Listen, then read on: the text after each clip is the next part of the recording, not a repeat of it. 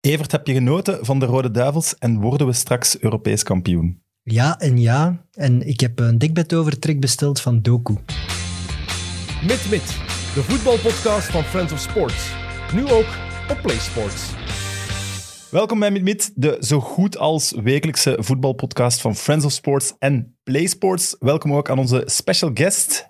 Hij is de broer van Brit van Hamel, werd in drie verschillende landen kampioen in tweede klasse en is een jeugdproduct van de mooiste paars-witte ploeg van het land en nu kapitein van de andere paars-witte ploeg.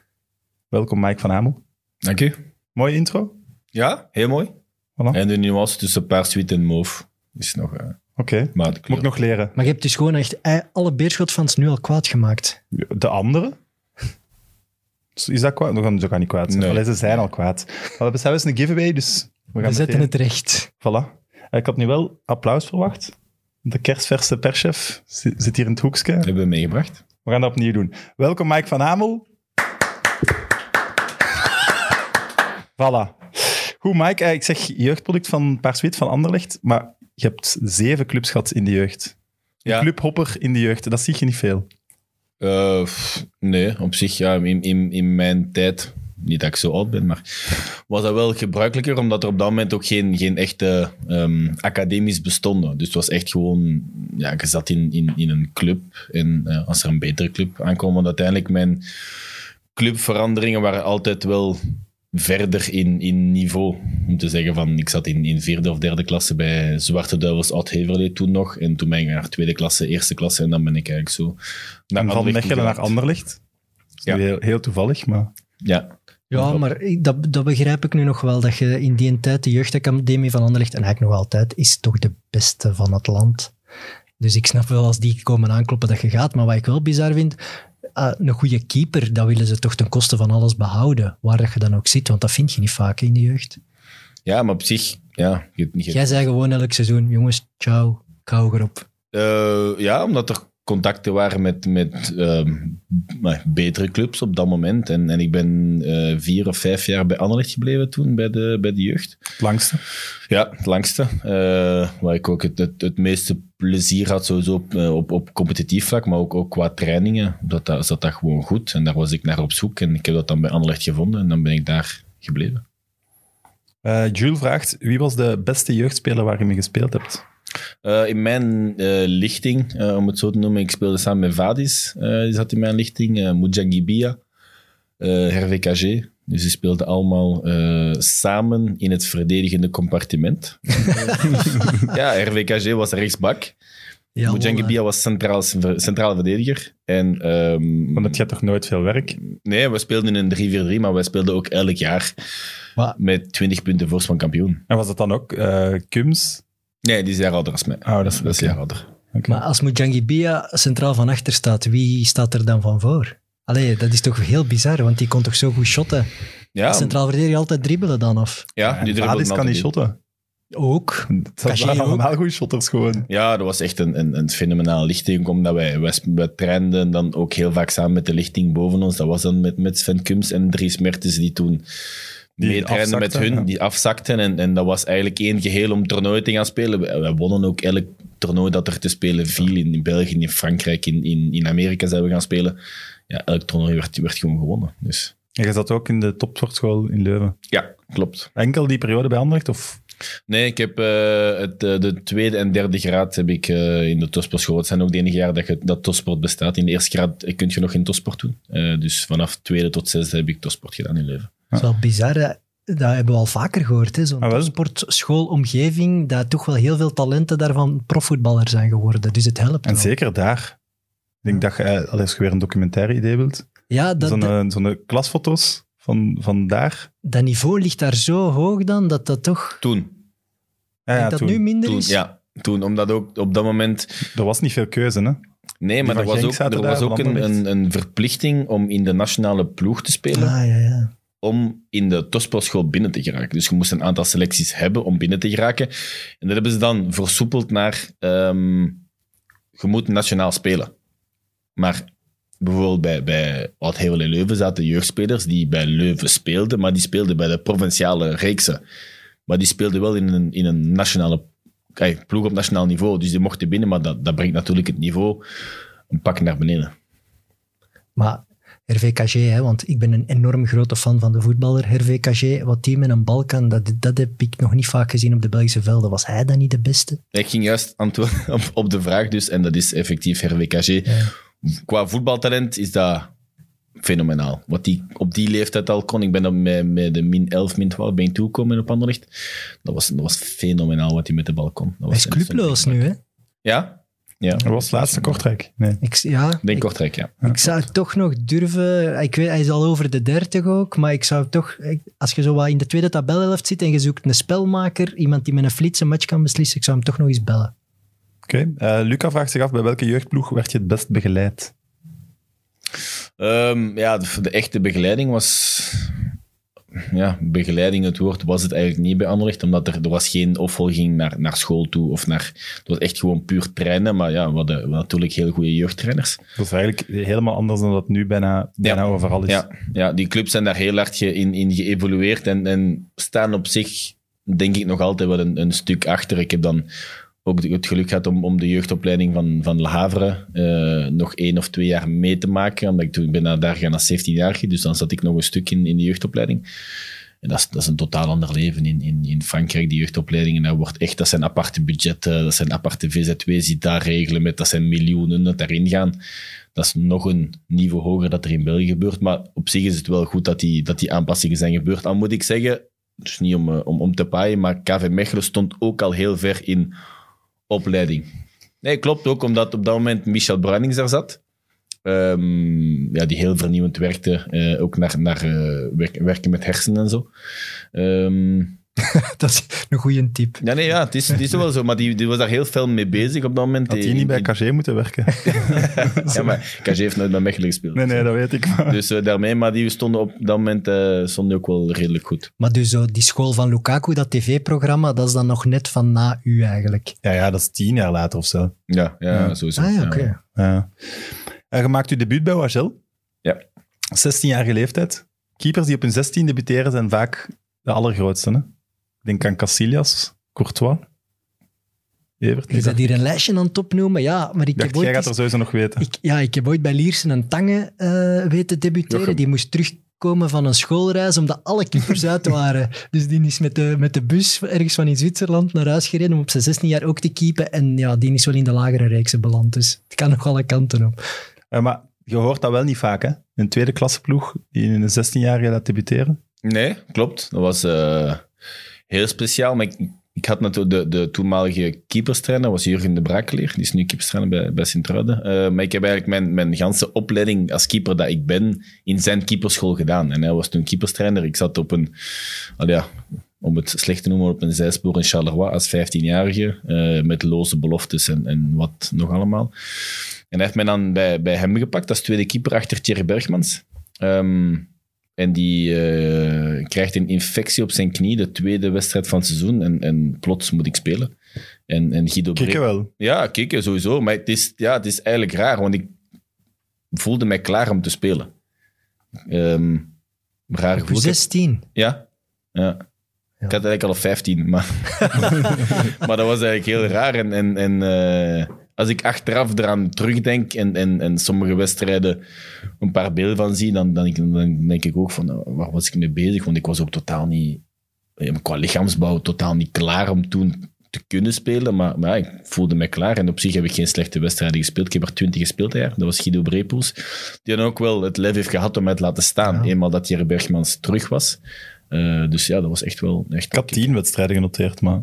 Nee, er staan er tien op transfermarkt, heb ik ook gezien, maar ik heb er twintig gespeeld. Oké. Maar van een keeper verwachten ze toch ook een beetje sturing, leiding van de ploeg. Op je 16 jaar tegen een verdediging beginnen roepen. Met Ja, ik weet niet, als ik het bij iemand zou geloven dat hij het al zou hebben op zijn 16, zou het bij u zijn. Ja, maar ik had... Ja, Je had er geen problemen mee om een oudere speler te zeggen. nee, jongens, maar eh, ook omdat ik het misschien het geluk heb gehad dat ik op dat moment met oudere spelers speelde. En Sammy Greven stond toen centraal van achter. Eh, Hugo Wadikwa was ook wel jong. Ehm, maar daar stonden een paar... eh Stan Francis speelde toen nog ah, ehm, in, in het middenveld. Maar dat, dat, waren was, mannen dat was die... de minste schakel, denk ik.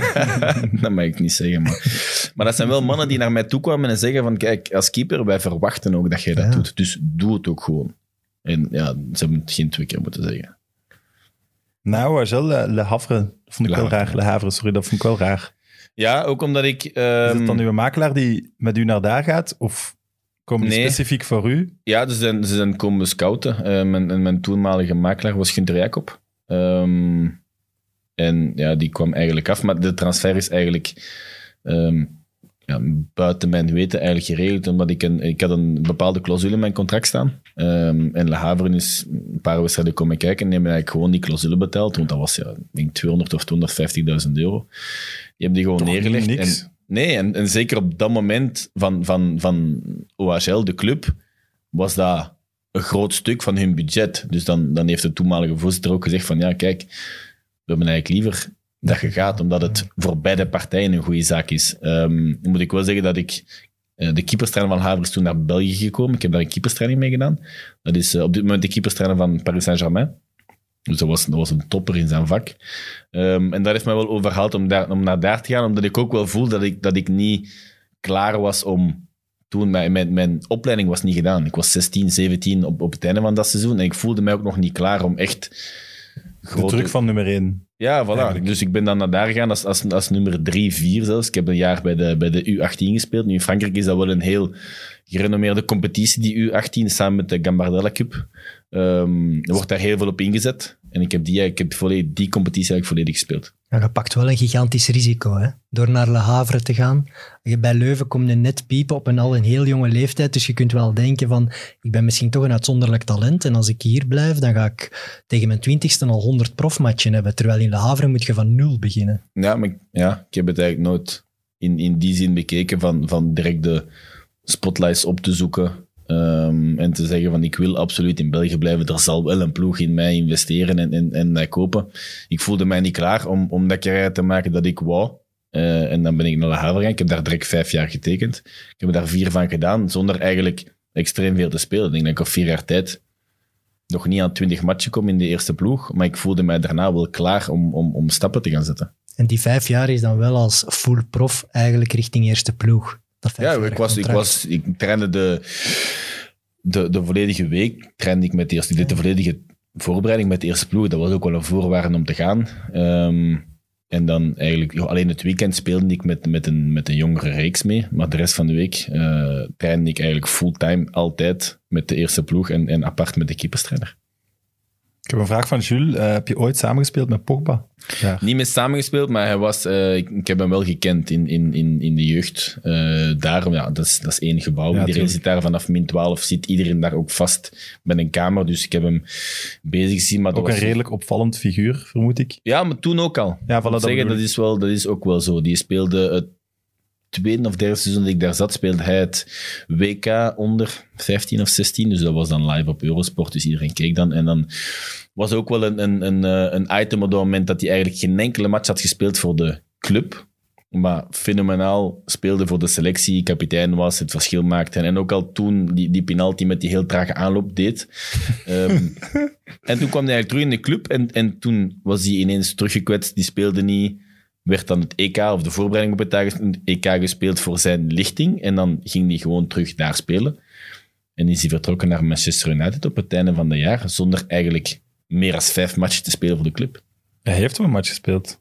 Voor de eerste ploeg nooit. Nooit, nee, hè? nee, nooit. Ik denk dat die heeft zelfs nooit voor de U18 gespeeld. Voilà. Dus eh, Maar dat moet, binnen zo'n club moet dat toch rondgaan. Van jongens, we hebben daar iets zitten, dat is fenomenaal. dat, maar moet die, een- eh, dat, is, dat is altijd een, een, een, een machtsstrijd op dat moment tussen, tussen club en speler. Omdat ook op dat moment eh Charles Nzogbia naar Newcastle is vertrokken.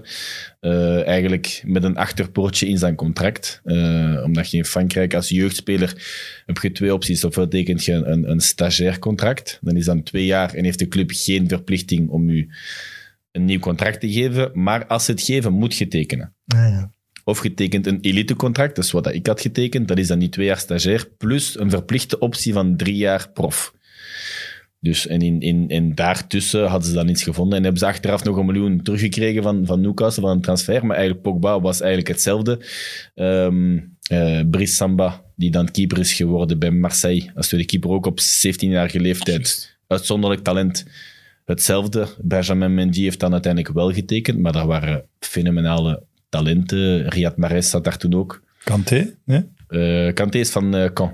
Ah. Dus van, dat is de Maar Riyad Mahrez, Pogba, eh, die keeper van Marseille. man dan daar ook. Uh, alleen bedoel, dat is toch waanzinnig voor Le Havre. Ja, wat is dat, een Noord-Franse havenstad? Oudste club in Frankrijk. Ja, die, hebben daar op dan, het die Europese continent. hebben daar dan een waanzinnig complex. Wauw, leuk weetje. Wat zeg je, het oudste club? De oudste club in Frankrijk op het Europese continent. Wow, dat, is, dat wist ik zelfs allemaal niet. Dus die, die club is voor mij dan toch een beetje te onbekend eigenlijk, als ik dan hoor wat voor een Ja. talentenfabriek dat, dat is. Ja, jij echt- weet niet veel van voetbal, hè? Te, te weinig Nee, van maar het is, Franse het, is ook wel zo, omdat zij, zij, wat, wat hebben zij natuurlijk? En eh Châteauroux aan de andere kant van Parijs. Zij nemen alles op wat in Parijs, want dat is een gigantische vijver aan talenten, wat niet in Paris Saint-Germain binnengeraakt. Er zijn geen andere clubs, je hebt Paris FC, maar dat, die hebben geen jeugdopleiding. En alles dat daar juist buiten valt, valt voor Le Havre of valt voor Châteauroux. En die jeugdopleidingen zijn fenomenaal sterk in de jeugd. Als je kijkt naar alle jeugdtoernooien, alle jeugdreeksen, is het Châteauroux, Le Havre, Lens, die staan altijd overal van boven, omdat die juist altijd in die vijver gaan, gaan halen. Is dat dat lichtblauw truiken, Le Havre? Ja, ciel et marine. Dat is wel heel mooi. Lichtblauw en donkerblauw. Ja, je pakt daar uw eerste titel. In de League 2, Ja, League 2. En je hebt daar mogen spelen ook. Ja, de, la- de laatste wedstrijd, omdat in Frankrijk is de regel, eh, dat is in elk land verschillend, eh, om een titel te, te behalen. En in Frankrijk eh, moet je minstens één minuut hebben gespeeld Ah ja. om de titel te halen. Bijvoorbeeld in de Premier League moet je vijf matchen hebben gespeeld voor een titel. Maar in, in Frankrijk is het dus één minuut spelen. En ik, had, ja, ik was derde, vierde keeper, dus ik had, geen, ik had nog niet eens op de bank gezeten dat jaar. Eh, derde keeper valt uit. Tweede keeper moet met de reserve gaan meespelen, met de, met de B-ploeg. eh, verplicht, omdat die erin moeten blijven in de reeks om, om zoveel, moet ik zeggen, financieel zoveel steun binnen te halen, omdat die in de derde klasse blijven. Dus dat was een heel belangrijke wedstrijd. Dus ik ga mee op de bank, ervan uitgaande van oké, ik ga, ik ga niet, niet spelen. Die eerste keeper, Christopher Wout, alle minuten gespeeld dat er, dat er te spelen waren. Alles letterlijk. Maar dat is ook een, een bekende keeper in Ja, Frankrijk. ja, hè. ja. En eh, de laatste wedstrijd, ik denk 40 minuten eh, ver in de wedstrijd. En de keeper staat met mij en zegt van eh, aan de rust gaan we ons opwarmen. Ik zeg, hoe gaan we ons opwarmen? Hij zegt, ja, het laatste half uur eh, gaat het. Kadoken. ja. Ik zeg, ja, oké. Maar ik was toen ook nog niet bezig met echt zo die titel te kunnen opschrijven of wat dan ook. Het is pas na de wedstrijd dat ik dan effectief wist van, jij hebt een titel, maar die twee anderen, die Ik zou daar wel al eigenlijk mee hele- bezig zijn. die het hele jaar bezig zijn geweest, maar op Die de hebben bank niks, zitten, dus. die, hebben, die hebben niks. Die, hebben, die, hebben- die, die titel staat daar niet op. Die, die delen wel natuurlijk in die, in die Huh? kampioensbonus, maar die hebben die officiële titel niet. Dus die mogen keepers- die- Geen medaille, allee, of... Nee. Die keeperstrainer en dan de hoofdcoach, die hadden dan een serieuze boom voor u. Ja, vooral de, de, de toenmalige trainer, Jean-Marc Nobilo, eh, die was eigenlijk eh, hoofd van de jeugd, die is dan eerste trainer geworden. Ehm, die, die ging had het verder met mij. En ik Ja. vind het eigenlijk raar, omdat hij op dat moment toen al zei, jij gaat een laadbloeier zijn. Ik was Gelijk. 18. Ja. En die zegt van, je gaat, zolang dat jij geen 4,25 bent, gaat, gaat je profiel niet aanvaard worden. Heeft hem gelijk gekregen achteraf. Ja, toen, ja, ja. Ja. het is daarmee dat ik er op dit moment nog altijd aan, aan terugdenk, omdat hij zoiets had van, je, je, je, je doet u veel te, of, of je komt veel te volwassen over op je leeftijd. En dat wordt niet geaccepteerd als je geen uitzonderlijk talent bent. Zoals Hazard, die een leider is op het veld, dat wordt geaccepteerd, want die pakt de bal en die legt die binnen. Maar voor bepaalde types komt dat pas op latere leeftijd. En dat is effectief ook zo geworden. Dus ja, ik vond dat wel straf. Heeft dat half uur u een eh, titelpremie opgeleverd? Ja, Ah ja, dat vind ik niet meer dan logisch. Je heeft eraan ja, bijgedragen. ja, dat was ja, een half uur. Dat was op Ja, basis sorry, van. Dat was op die basis tweede en derde hebben nul minuten, ja. die krijgen ook toch? Ja, dat was, op, Voilà. dat was op basis van, van selecties. want Dat kan, dat kan Ah, heel ja, verschillend zijn. Maar ik had dan ja, één. Hoeveel match hadden? 38. Dus ik had één 38ste van die kampioensbonus. Maar zelfs als, als, als, als in, op de trainingen en zo, je maakt ook deel uit van die ploeg, de premie, dan snap ik wel dat je dat krijgt. Ja, maar dat hangt echt af van, van ploeg tot ploeg, kern tot kern, eh, hoe dat ze het verdelen. Ja, als je altijd eh, in de tribune moet gaan zitten, hè, dus buiten het wedstrijdblad valt, ja, ik denk dat de meeste ploegen het wel zo tellen. Hè. Niet op de bank is geen wedstrijdpremie. De wedstrijdpremie sowieso niet. Als je niet in de, in de 18 zit, dan eh, heb je sowieso geen premie. Maar naar kampioensbonus wordt het wel vaak, wordt er dan wel een deel besteed aan de spelers die geen selectie hebben, maar wel het hele jaar daar zijn Het zijn geweest. meestal ook jonge gasten. al. Ja, ja, meestal wel. Ja. Of ongelukkig langdurig Ja, ja. geblesseerden, dat ook wel. Dat lijkt mij de, de chillste job in de wereld. Zo derde keeper. Ja, Rustig trainen, alle premies meepakken. niks voor mij. Maar hard, hard trainen toch? Want de eerste keeper traint wat rustiger, toch? Hoe Eh, hoe noemt hij een Hollander bij Man United als de derde keeper was? Jaren. Remo van der Gouw. Ja, dat kan wel. Nee. Maar ja, het is echt niks voor mij. Maar het is, het is ook wel... ehm, het eerste jaar dat ik ben toe... Ik ben op 24 augustus heb ik getekend in La Havre. En mijn eerste vrije dag, dus dat ik geen training had, was 25 december. Ik had maandag tot vrijdag, maandag tot donderdag elke dag training, want de competitie wordt gespeeld op vrijdagavond. Dan trainde ik vrijdag met de reserve mee, om dan hun voorbereiding te doen naar de zaterdagmatch. En de zaterdag trainde ik dan met de U18 mee, om de voorbereiding te doen op de zondagmatch, want die speelden altijd zondag. En met als ze het vrij weekend hadden in de eerste ploeg, begonnen de trainingen terug op maandag. En dan pikte ik maandag terug in om te trainen. Ja, want dat, denk ik. zot. Het is toch ook zo in de opwarming zo ballen naar de goal schieten en zo. Dat is toch vaak de tweede en de derde keeper. Ja, ja maar en die moet je dan nog wel binnenlaten eigenlijk.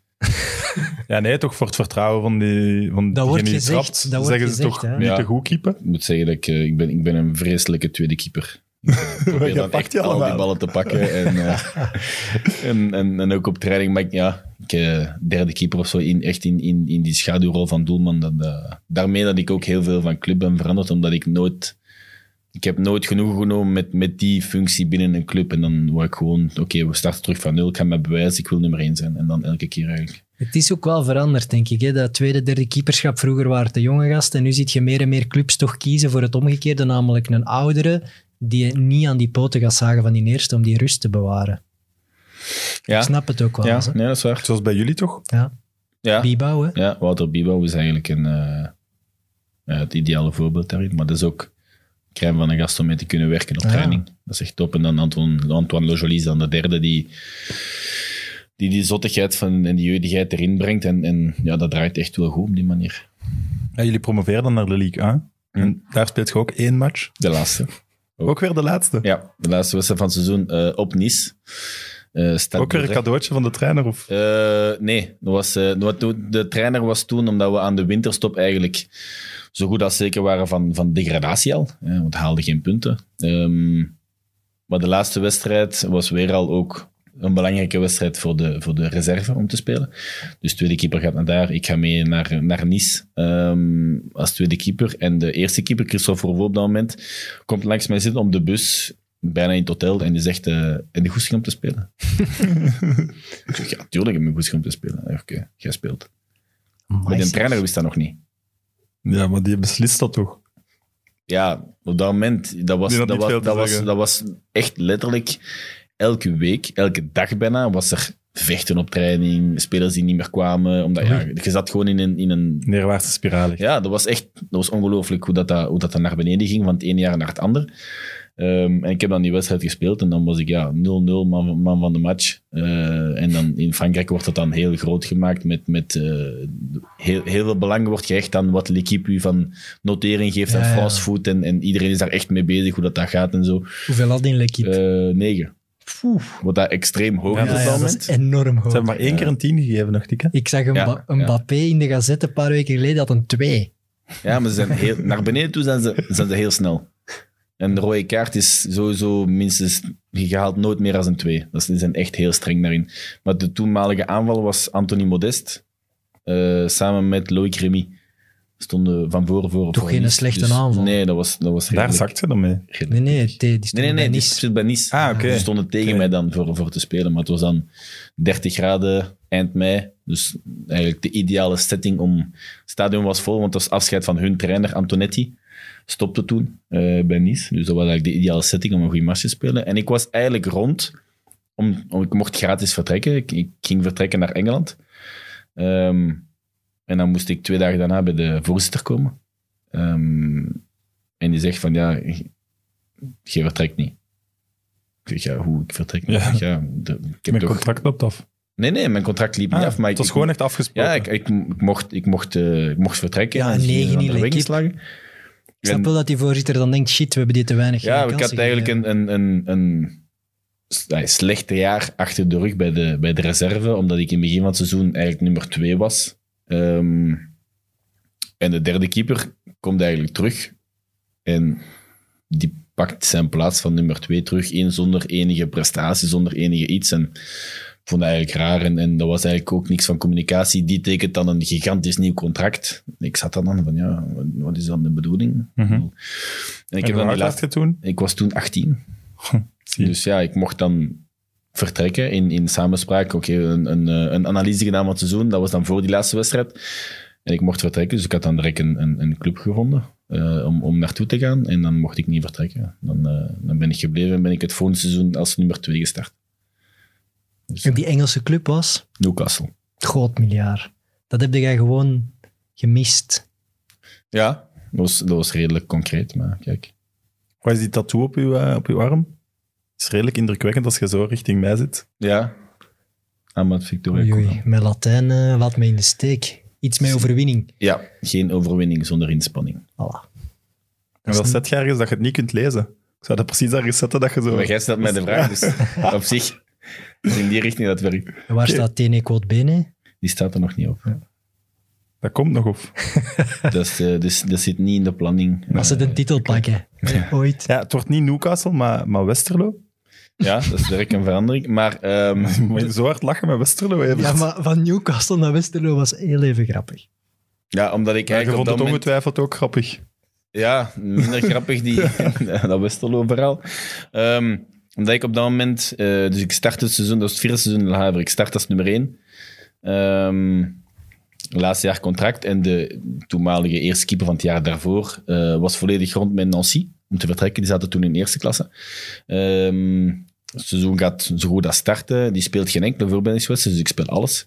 Ehm, en die raakt niet door de medische keuring. Dus ik kom terug. En de trainer zegt van ja, ik kan hem natuurlijk ook niet zomaar aan de kant schuiven. Dus ik, had nog één jaar contract. En eh, ik was net de eerste keer vader geworden. Dus ja, ik had zoiets van, weet je, ik kan ook geen risico pakken. Ik ga, ga kijken. En toen, eh, ik had toen een Engelse makelaar. ehm, en die zegt van, kijk, je hebt twee opties. Eh, Everton of Westerlo. Dat is Nu- grappig. Nu doe jij het. Ja, ja, was aan maar het dat is, wachten. dat is gewoon... Ja, nee, maar ja, ik had dan Is het dan kop of munt en dat valt verkeerd? Nee, nee, maar ik had, ik, dus ja, ik Ja, maar dat stelde is mij de vraag van, hoe, hoe, gaat het, hoe gaat het gaan bij, bij Everton? Wat is de bedoeling? Eh, want uiteindelijk, zij kunnen daar om de twee weken spelers gaan uitlenen en dan moeten naar daar, dan moeten naar daar. En, wat, wat is de bedoeling? Ik, ik dacht echt met het verhaal Westerlo van oké, ik teken drie jaar, ik speel als eerste keeper, ik ben er dan 20, 21 wordende. Ik zeg, ga spelen, dat, dat is voor mij veel meer waard dan vijf of zes keer meer verdienen bij, bij Everton en eigenlijk in de schaduw gaan staan van Tim Howard die toen speelde, want die, haalt je er toch niet uit. Plus de nummer twee. Had maar wel dat, zomaar zijn plaats kunnen innemen. Ik niet dat veel mensen het gezien ja, zouden hebben. misschien, misschien achteraf, maar goed, nu, nu, het klinkt groter, maar ik had dan op dat moment ehm, een van de handlangers, om het zo te noemen, van, van mijn makelaar, die mij, ik zeg van ja, hoe zit het, wat is de keuze? Hij zegt van ja, je moet wel weten, bij, eh, bij Everton is het weer in die situatie dat je eigenlijk derde keeper bent, ehm, waar dat je eigenlijk constant wel willen laten spelen. Niet bij hun reserve, want die competitie trekt eigenlijk op niks, maar eigenlijk laten, ze gaan Ja, nu ja. uitlenen. Eigenlijk League constant. One, Championship, Voilà, ze gaan, nu laten, misschien. ze gaan nu ervaring laten opdoen in, in die reeksen. Ja. En op dat moment woog dat voor mij niet op tegen op, ten opzichte van echt spelen bij Westerlo.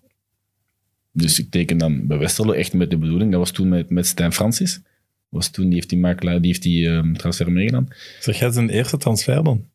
Dat weet ik niet. Dat zou moet toch... Enfin, Dat zou kunnen. Maar ik ga dan naar Westerlo met de bedoeling van te spelen. En dan, eh, dat was met Keulemans. ja, en dan word je nummer twee achter Bart Eelkes. Dus, ja. Ja, wel, ja. ja. ja ik ken die periode van Westerlo nog. Dat was ook een ploeg natuurlijk die heel hard aan elkaar hing, toch? Ja, ja en, dat was, en, en dat was wel iets eh, waar, waar ik niet... Ik, ik kon daar niet mee om. Ik had vier jaar in Frankrijk gezeten, super professioneel. Dag voor de wedstrijd op hotel, alles geregeld, al, alles gedaan. En dan kom je eigenlijk in, Ja, een, dan kom je in een, echt een volkse club. Om het ja houden. maken ze ze niet, denk ik. Nee. Op dat moment zeker Daar niet. is sponsoring, slagerij De Smet, Ja, eh, houdt daar de budget in evenwicht. Dus. Ik kon daar ook niet mee om dat, dat tussen twee trainingen spelers eh pinten dronken. Niet, niet op het moment van, niet, niet tot zat zijn. Nee. Maar ja, dat moet toch kunnen. Maar dan denk ik zoiets van, ja, voor mij niet. Misschien zo 1, 2 dat het dan beter gaat. Nee? Ja, ik, heb, ik drink geen bier sowieso niet, maar, maar die, die mentaliteit, dat, dat strookte niet met, met wat ik in, in gedachten had. En, en al zeker niet dat, dat het dan... eh Wijnands op dat moment haalt mij binnen en zegt van oké, nummer 1, we moeten gaan en, en we gaan door. En na twee weken, of na twee wedstrijden, een, een 5-0 verlies in Brugge en een eh 1-4 verlies, dacht ik, thuis tegen Gent. Dacht ik van ja, Nu is het een moment. ja, nu ga ik er toch inkomen. Gesprek met Keudemans en, en ehm, die zegt ja, op echt platte kastjes. Ja, ik, ik heb een tweede keeper gevraagd. Hè. ik zeg ja, dat is niet wat er tegen mij gezegd is. Ik zeg van ja, maar ja, ik stel de ploeg op. Hè. En dan ben ik raar. ja, Zo dan- eerlijk van hem. ja, ja, Of- klopt. ja, is eerlijk, maar goed. niet. Dan denk je natuurlijk direct van ja, als voor dit te doen is, kan, dan, dan, had ik, dan had ik beter dit gedaan, maar bij Ja. Everton. Klopt. Ja. Dus ja, die kans was dan verkeken. En dan ben ik erin gekomen aan de, denk de laatste wedstrijd voor de winterstop op Kortrijk. Ehm, scheurt een paar telkens zijn kruisbanden. Eh, val ik in en dan speel ik eigenlijk een, een oké wedstrijd. En we winnen onze eerste wedstrijd van het jaar ook, de wedstrijd erop, thuis tegen In december. eh, Beerschot. Ja, dat Oh, gelijk ja. wat echt... Die ploeg, zat, die, die ploeg ging van, van, eh, van Europees voetbal. Europees voetbal tegen Voorrondes? Turco en zo. Dus ik ben, ben, ben ik daarna ben ik, ben ik gekomen. Ah, dat heb je niet meegemaakt. Nee, nee. Ook ben, die Young Boys Bernie. Nee, ik ben daarna, daarna heb ik getekend. Oké. Ik heb nog aangesleept en dan... ja, die, die ploeg, die, die wou ook... ja, iedereen wou daar aparte... Een Golok zat daar toen, maar die, die een azen op een transfer. eh, Steven de Petter eh, zat ook zo in, in, in mindset van... Ik zal hier vertrekken. En, en die ploeg ging niet echt meer samen. Ook kleedkamergevoel dat dat niet 100% klikte. En zeker als de, nega- de negatieve resultaten dan ook nog eens inslagen. Dus we hebben dat, is eigenlijk een heel ongelukkig seizoen geweest. Hebben zij dan nog een andere keeper gehaald in de winter? Voor Bouwweden. Ah, ja, ja. Dus ik heb eh, de dag dat we vertrokken, eh, of dat we op vakantie waren in, in, eh, met dat kerstvoetbal toen, ehm zegt Keudemans tegen mij van, weet je, we gaan een, we gaan een nummer 2 gaan halen. Eh, je moet je geen zorgen maken, je blijft nummer 1, je gaat spelen, je hebt dat goed gedaan, je, gaat, je gaat door. We gaan kijken. En ze waren toen al bezig met Koen van Langenong, die toen bij Bocholt zat. Eh, die wou toen niet komen, nog een paar die niet wilden komen. En dan uiteindelijk tekent eh Glenn Verbouwwede. Dus ja, ik ga naar, ik ga naar Keudemans. Ik zeg, ja, wat is de bedoeling? Hij zegt, nee, nee, maar je moet je geen zorgen maken. Die, nu, die heeft zes maanden niet meer gespeeld. Die komt niet voor te spelen. Hè. Eh, De eerste wedstrijd na de winterstop, verbouwen die een goal. Dus dan, ja, dan houdt het ook op voor mij. Dan heb ik ook gezegd van, kijk, op mij moet je niet... Dat is dan toch niet... allee, dat was dan toch Nee, dat, allemaal is niet, dat, wa- dat, eerlijk. was ook, dat was ook zo. Dat was een Ah, ja. teken van wantrouwen, dat is duidelijk. Achteraf gezien kan ik ook wel op, ai, begrijpen. Daarna heb ik, heb ik ook zijn keuze makkelijker gemaakt. Door, door minder te gaan trainen. Door, door eigenlijk, ik ging, ik ging buitenaf. In de namiddag ging ik apart gaan trainen. Maar ja, zij zien dat niet. Zij zien alleen wat je op, op het trainingsveld Ja. presteert. Dus ik, ik hield mijn eigen wel heel fit. Maar op training ja, veegde ik eruit mijn voeten aan. En dat was, dat was voor mij zo een, een, ja, een manier om te zeggen van, weet je, los het zelf op. Maar ik vraag me dat wel af, beslist eigenlijk de trainer wel wie de eerste keer is? Pff, ja, Ja, maar een dat, hangt ook van niet... club ja. tot club af. hè. Toen op dat moment ook niet onderschatten. Hè. Er werd Nee, er al eh, naam opgeklopt, was een groot talent. Een van de grootste talenten, denk ik. eh, toch al een naam opgebouwd. Dus Keulemans zal, zal gewoon daar meer vertrouwen in gehad hebben. Ja, hij omdat had- hij, hij die had hem misschien ook beter in- kende. Ja, van, van, in, van in Brugge, hè, ongetwijfeld. Ja. Maar ja, nou, nogmaals, ik, die kwam toe en die stond, allee, om, om, om lief te zijn, stond misschien 6, 7 kilo te zwaar. Dat kan, hem, dat kan hem, dat heb ik Dus wel nee, ja. Trainde, trainde ook, ja, dat was, dat was nu Was niet dat je zag op Ja. trainingen van, ja, wauw, die moet erin staan. Dat, dat was totaal niet het, het, het beeld dat je had. Dus, dus ik had zoiets van, op basis van wat? Omdat hij een acht maanden geleden nog een goede match heeft gespeeld, zet je die erin. En, en ja, ik zeg het, die, dat strookte niet met, met, met wat ik daar was komen doen. Dus dan was het voor mij ook op. En, en ik ben ook niet meer, ik ben op het einde van het seizoen ook niet naar de evaluatie geweest. Ik heb gebeld van, je, die evaluatie, dat hoeft niet voor Heb mij. je die play-offs niet nog gespeeld? Ja, ik heb die playoffs gespeeld, hè, toen we de playdowns hebben gewonnen. Die Eh, play-off 3 was dat toen nog ja, ooit gedaan? Of? ja. ja, Zo, was play-off drie. 15 en Vijf- vijf 16 matchen. Ja. tegen elkaar. Tegen. En degene die 15 was, die kreeg drie punten. Ja. We hebben eh, de, tegen Sint-Truiden, maar de, ja, tegen Sint-Truiden. de eerste wedstrijd heeft Verbouwen nog gespeeld, die hebben we verloren. En eh, toen was me ineens gekwetst. Ehm, en nog een paar spelers, Echt of, niet alleen of hij. een uitvlucht? Ja. Achteraf, ik kan het niet in zijn plaats zeggen, maar goed. Hebt het een beetje ik gedaan. denk- De, de, de timing was ongelukkig. Ja, Als je een degradatie ziet aankomen, gebeuren er altijd rare dingen in een Dus dan, maar we spelersgroep. hebben dan wel die play-off 3 gewonnen tegen Sint-Truiden. Ehm, en dan spelen we de, ja, de play-offs dan met de tweede klassers. En daar eh, wint Waasland Pedro.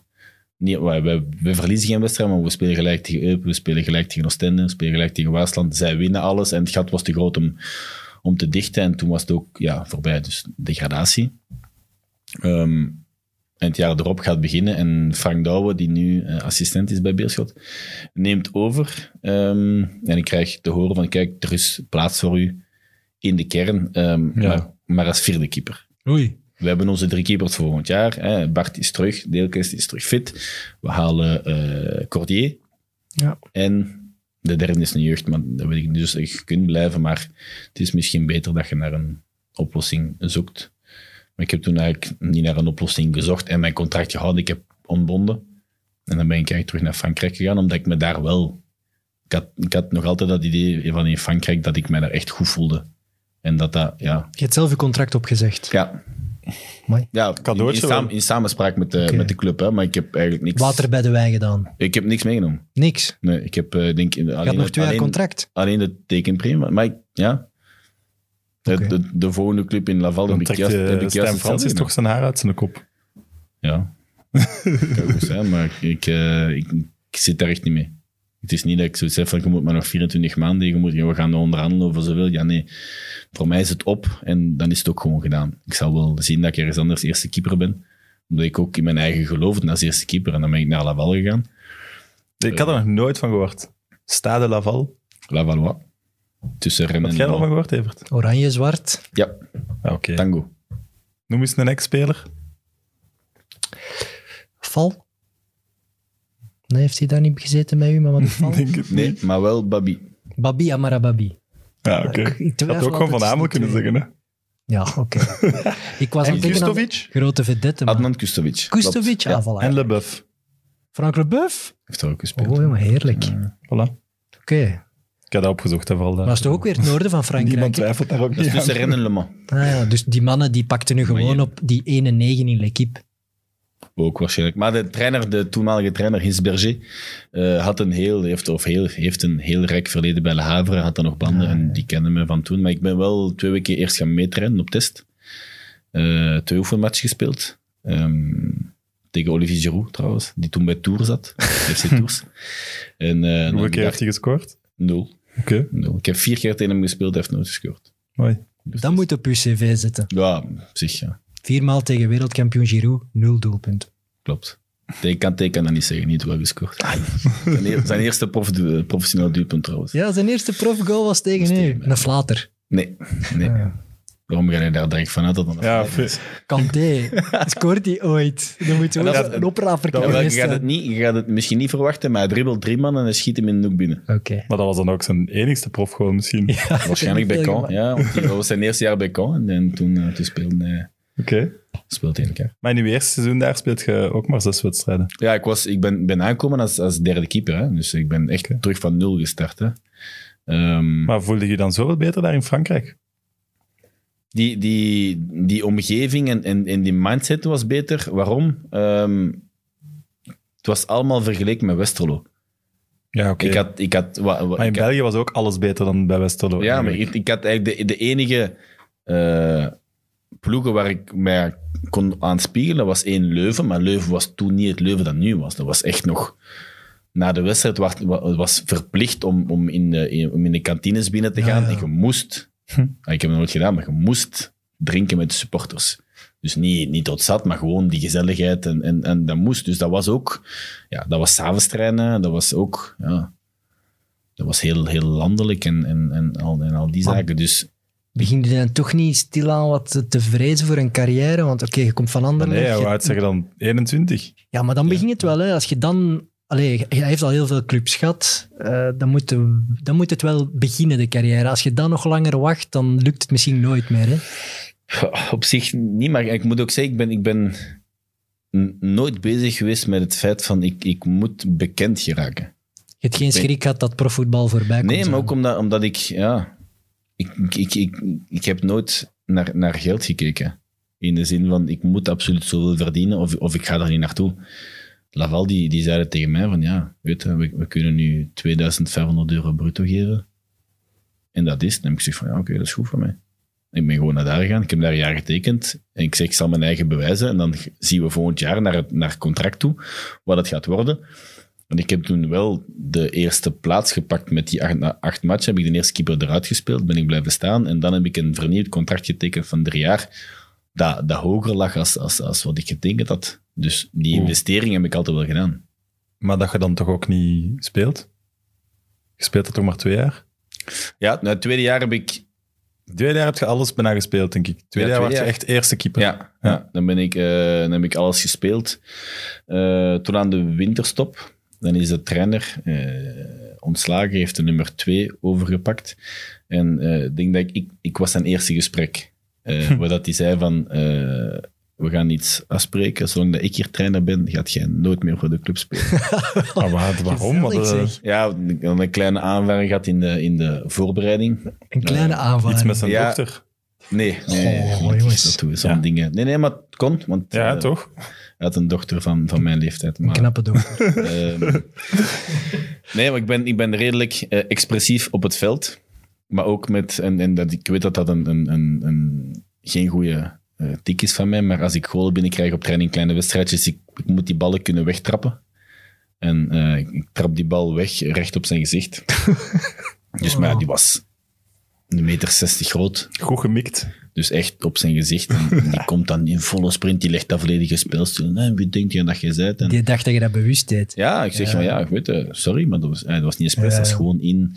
En drie weken daarna net hetzelfde, maar die stond aan de andere kant. Dus terug op hem. Sorry, maar dat is niet twee keer voor ongeluk. Dus ja, dan, dan heet je zoiets van, ja, die doet je echt wel gewoon expres. En, en dat was ook zo, ja. Zou ik ook denken, zoals dat de tweede keer. En nu, was- hier kun je het zeggen, die gaat niet luisteren. Nee, nee, maar... to- hij- hij is- Tweede keer was expres. Nee, nee, ook totaal Het is ook niet dat, Maar- je, dat je slechte voeten hebt. Hè. Je kon die, Nee, voilà. je kon die Nee, maar het is, het is daarmee dat hij het niet geloofde. Ja. Maar ja, hij, een echte Fransman in de zin van heel chauvinistisch en Frankrijk is. En, en Ja, ik denk, niet, dat- ik denk niet dat er, Mike, ik denk niet dat er veel trainers zijn die gewoon een bal in hun gezicht mag trappen. Twee keer. Frans of niet. Ik denk dat, ik denk dat ik toch aan vier of vijf zit. maar dat er eh, spelers een paar meer... Stop er gewoon mee met die Ja, bal weg te trappen. Dat, zit in me. Ik denk dat ik twee weken geleden nog eh Erton Boko van het veld heb getrapt. die was kaatsen langs mij en die krijgt de bal ook recht op zijn gezicht. Dus, eh, maar dat is, dat is een tik die in mij zit. De meeste spelers weten dat ook. Dat ze Pas dan op, moeten bukken of... Iedereen gaat zo weg. Ja, zo'n zee die open gaat. Maar ja, nee, dat was op dat moment, ja. En die heeft dan een, een keeper van 38 jaar gehaald die zonder contract zat. En hij heeft die binnengehaald en, en laten spelen. Dus, En dan eh, wist jij wel... Kijk, ik had, ik had toen nog twee jaar en een half contract. Ehm, en ik had toen de, de toenmalige eh technisch directeur, eh Durancy. Ik had daar een heel goed contact mee. En die, die had ook heel veel, eh, die had ook heel lang in België gewerkt. En ah, je moet ook niet onderschatten, dat is Frankrijk, maar je bent wel de kleine Belg. Mhm. Dus dat is gewoon de, de insteek dat zij hebben Ja, ten ja. opzichte van België. Zij weten ook alles beter dan wat er in België gebeurt. Weten zij beter dan België zelf ook. Mhm. Ook politiek. En dus, op zich, maar ik, zelfs er- de frieten overgenomen. ja, voilà. Dus, maar zelfs dat kunnen ze beter. Voilà. Eh, maar ik had een heel goed contact, maar ik was ook heel open naar hem toe. Ehm, en ik zei ook naar hem van, weet je, pff, ik, eh, ik wil gewoon vertrekken. Ik, ik ben hier niet op mijn plaats. Dit, is, dit gaat niet worden. Ik zeg, oké, ik heb een mooi contract. Tweede klasse gezien. 2500 euro bruto. Ja, nee, ik had een nieuw contract. Nee, nee. Daarvoor gaat de Sam niet in de goal staan. Ze. Of, nee, als derde keeper misschien Voor één wel. match misschien. Ja. En kampioenenpremie. Ja, ik was dus ja, heel open naar die mens toe. Ehm, ik zeg van, ja, weet je, ik, ga daar zelf ook niet over onderhandelen als de club komt. Van, dat moet voor mij niet. En op het einde van het seizoen wordt bekend dat hij dus, die wordt voorzitter van de club. Dus je wist ook van, ja, Mike wil vertrekken en je moet niks hebben. Dus dat gaat hier gemakkelijk zijn om die een... Dus de voorbereiding start. Ehm, en hij belt van, ja, wat gaan we doen? Eh, zegt hij, ja, ik heb natuurlijk wel respect voor u als speler en uh, heel de, de, de violist boven um, Zo'n bandje gewoon. En ik zei van, ja, kijk, jij weet hoe het zit. Ik moet niks hebben. Ik wil gewoon een vrije speler zijn. Voor de rest, ik zal het zelf wel zien. Dan neemt je toch weer veel risico eigenlijk. Ja, maar dat voelde niet aan als, als risico ook, omdat ik, ja... Ik, ik, had niet, ik, ik heb nooit een levensstandaard gehad waarvan ik zeg van, ja, ik, ik moet absoluut...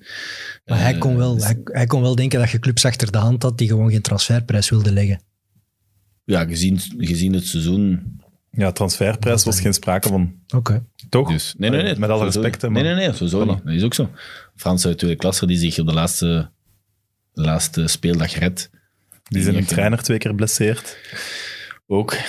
dus, uh, maar nee, dus ja, ik ben dan vrije speler geworden en dan ben ik naar uh, Nijmegen vertrokken. Ook weer Stijn Ook de andere kant. Nee, nee, nee, dat was niet meer, dat was niet meer Stijn. Oké, okay, en dan ja, weer kampioen. Tweede land dan. Ja, tweede, tweede land, tweede titel, maar dat was eigenlijk... Ook weer maar drie matchen. Ja, op, op het einde. Ik ben eigenlijk een speler die alleen in mei speelt op dat moment. is gewoon weer voetballer op. ja, maar. Ja? Dus uh, nee, maar het is, uh, dat was eigenlijk een waanzinnig seizoen, omdat dat, dat, dat sleepte zo lang aan. En, en ik heb daar achteraf uh, mijn eigen op mijn, op mijn kop voor geslagen.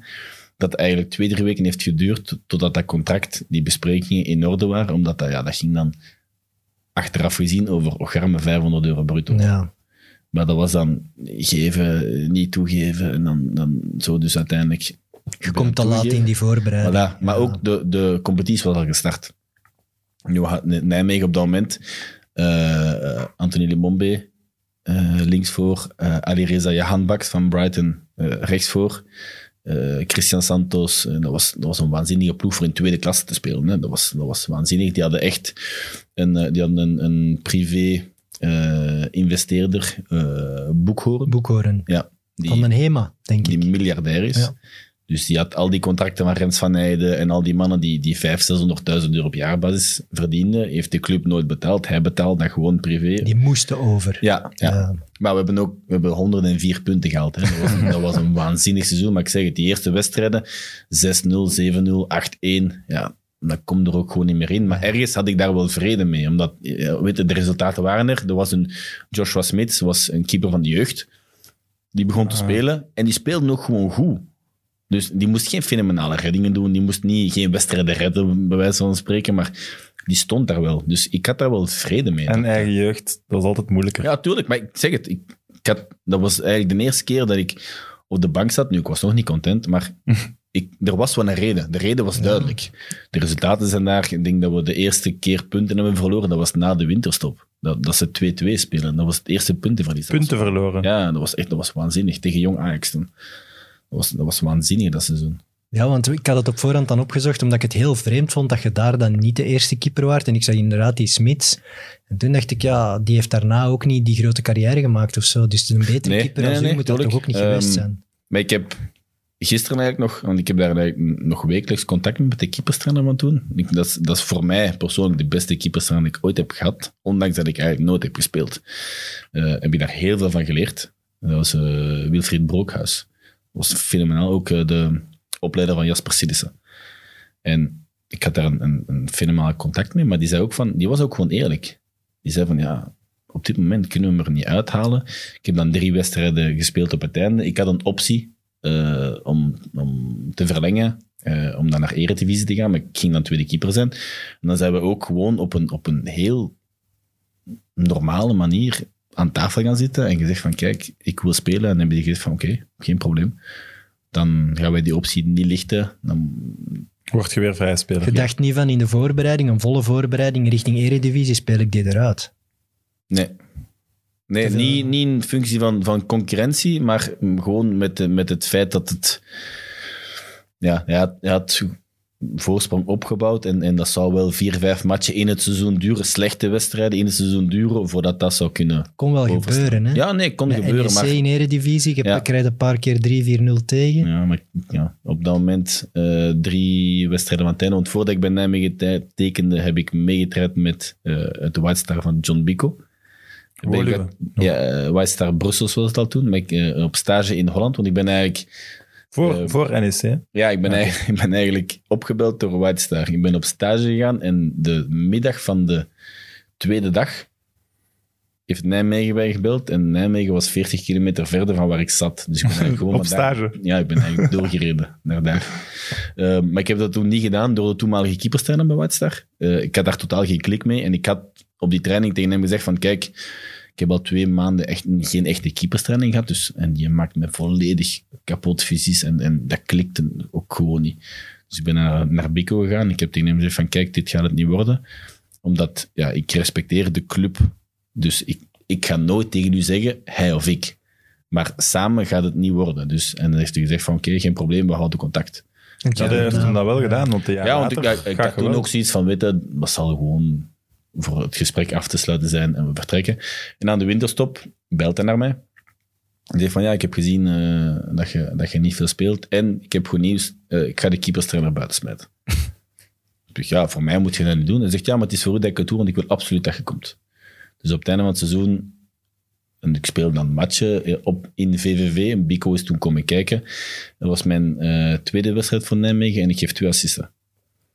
Dus ja, ik- Jij pakte de vrij schoppen of zo? nee, maar, eh, maar ja, Holland, die tweede klasse in Holland, dat is echt om. Dat is dat meen ik echt niet Je snapte trapte waarom gewoon dat een ik niet lange bal, speelde. je handbaks en binnen. Ja, ik, ik trapte die bal diep, die mannen liepen en die scoorden. Dat was...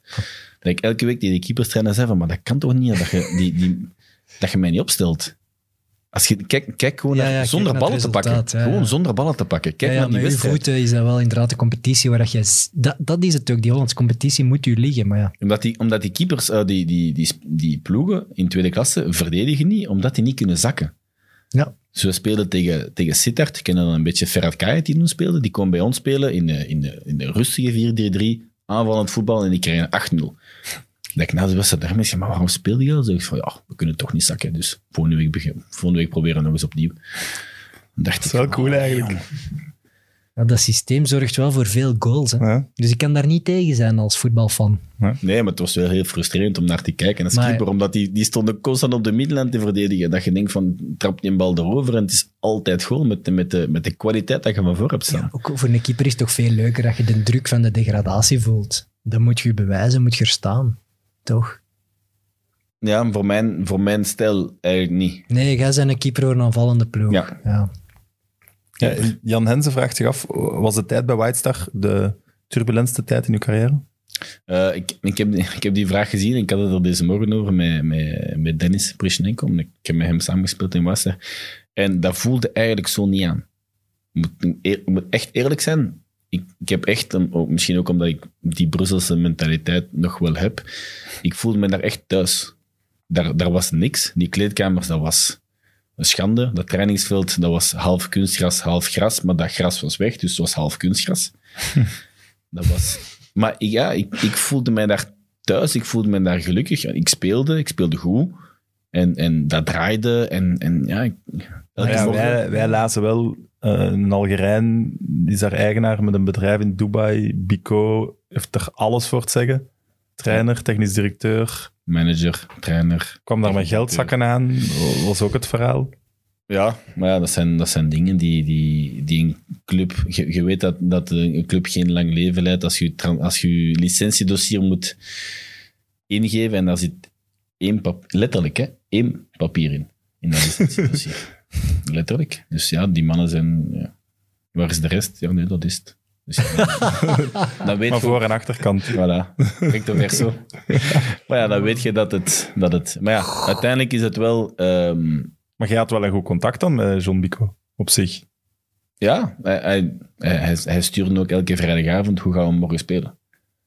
Dus dat was ook met Fred Duplus. dus jij werd ook de trainer. Nee, nee, ik was geen trainer, maar hij, hij, hij, hij, hij hield wel heel hard rekening. En, en daarin is hij wel de strafste persoon dat ik ooit heb gezien om op het mentale van een speler, want we waren twee, drie maanden niet betaald.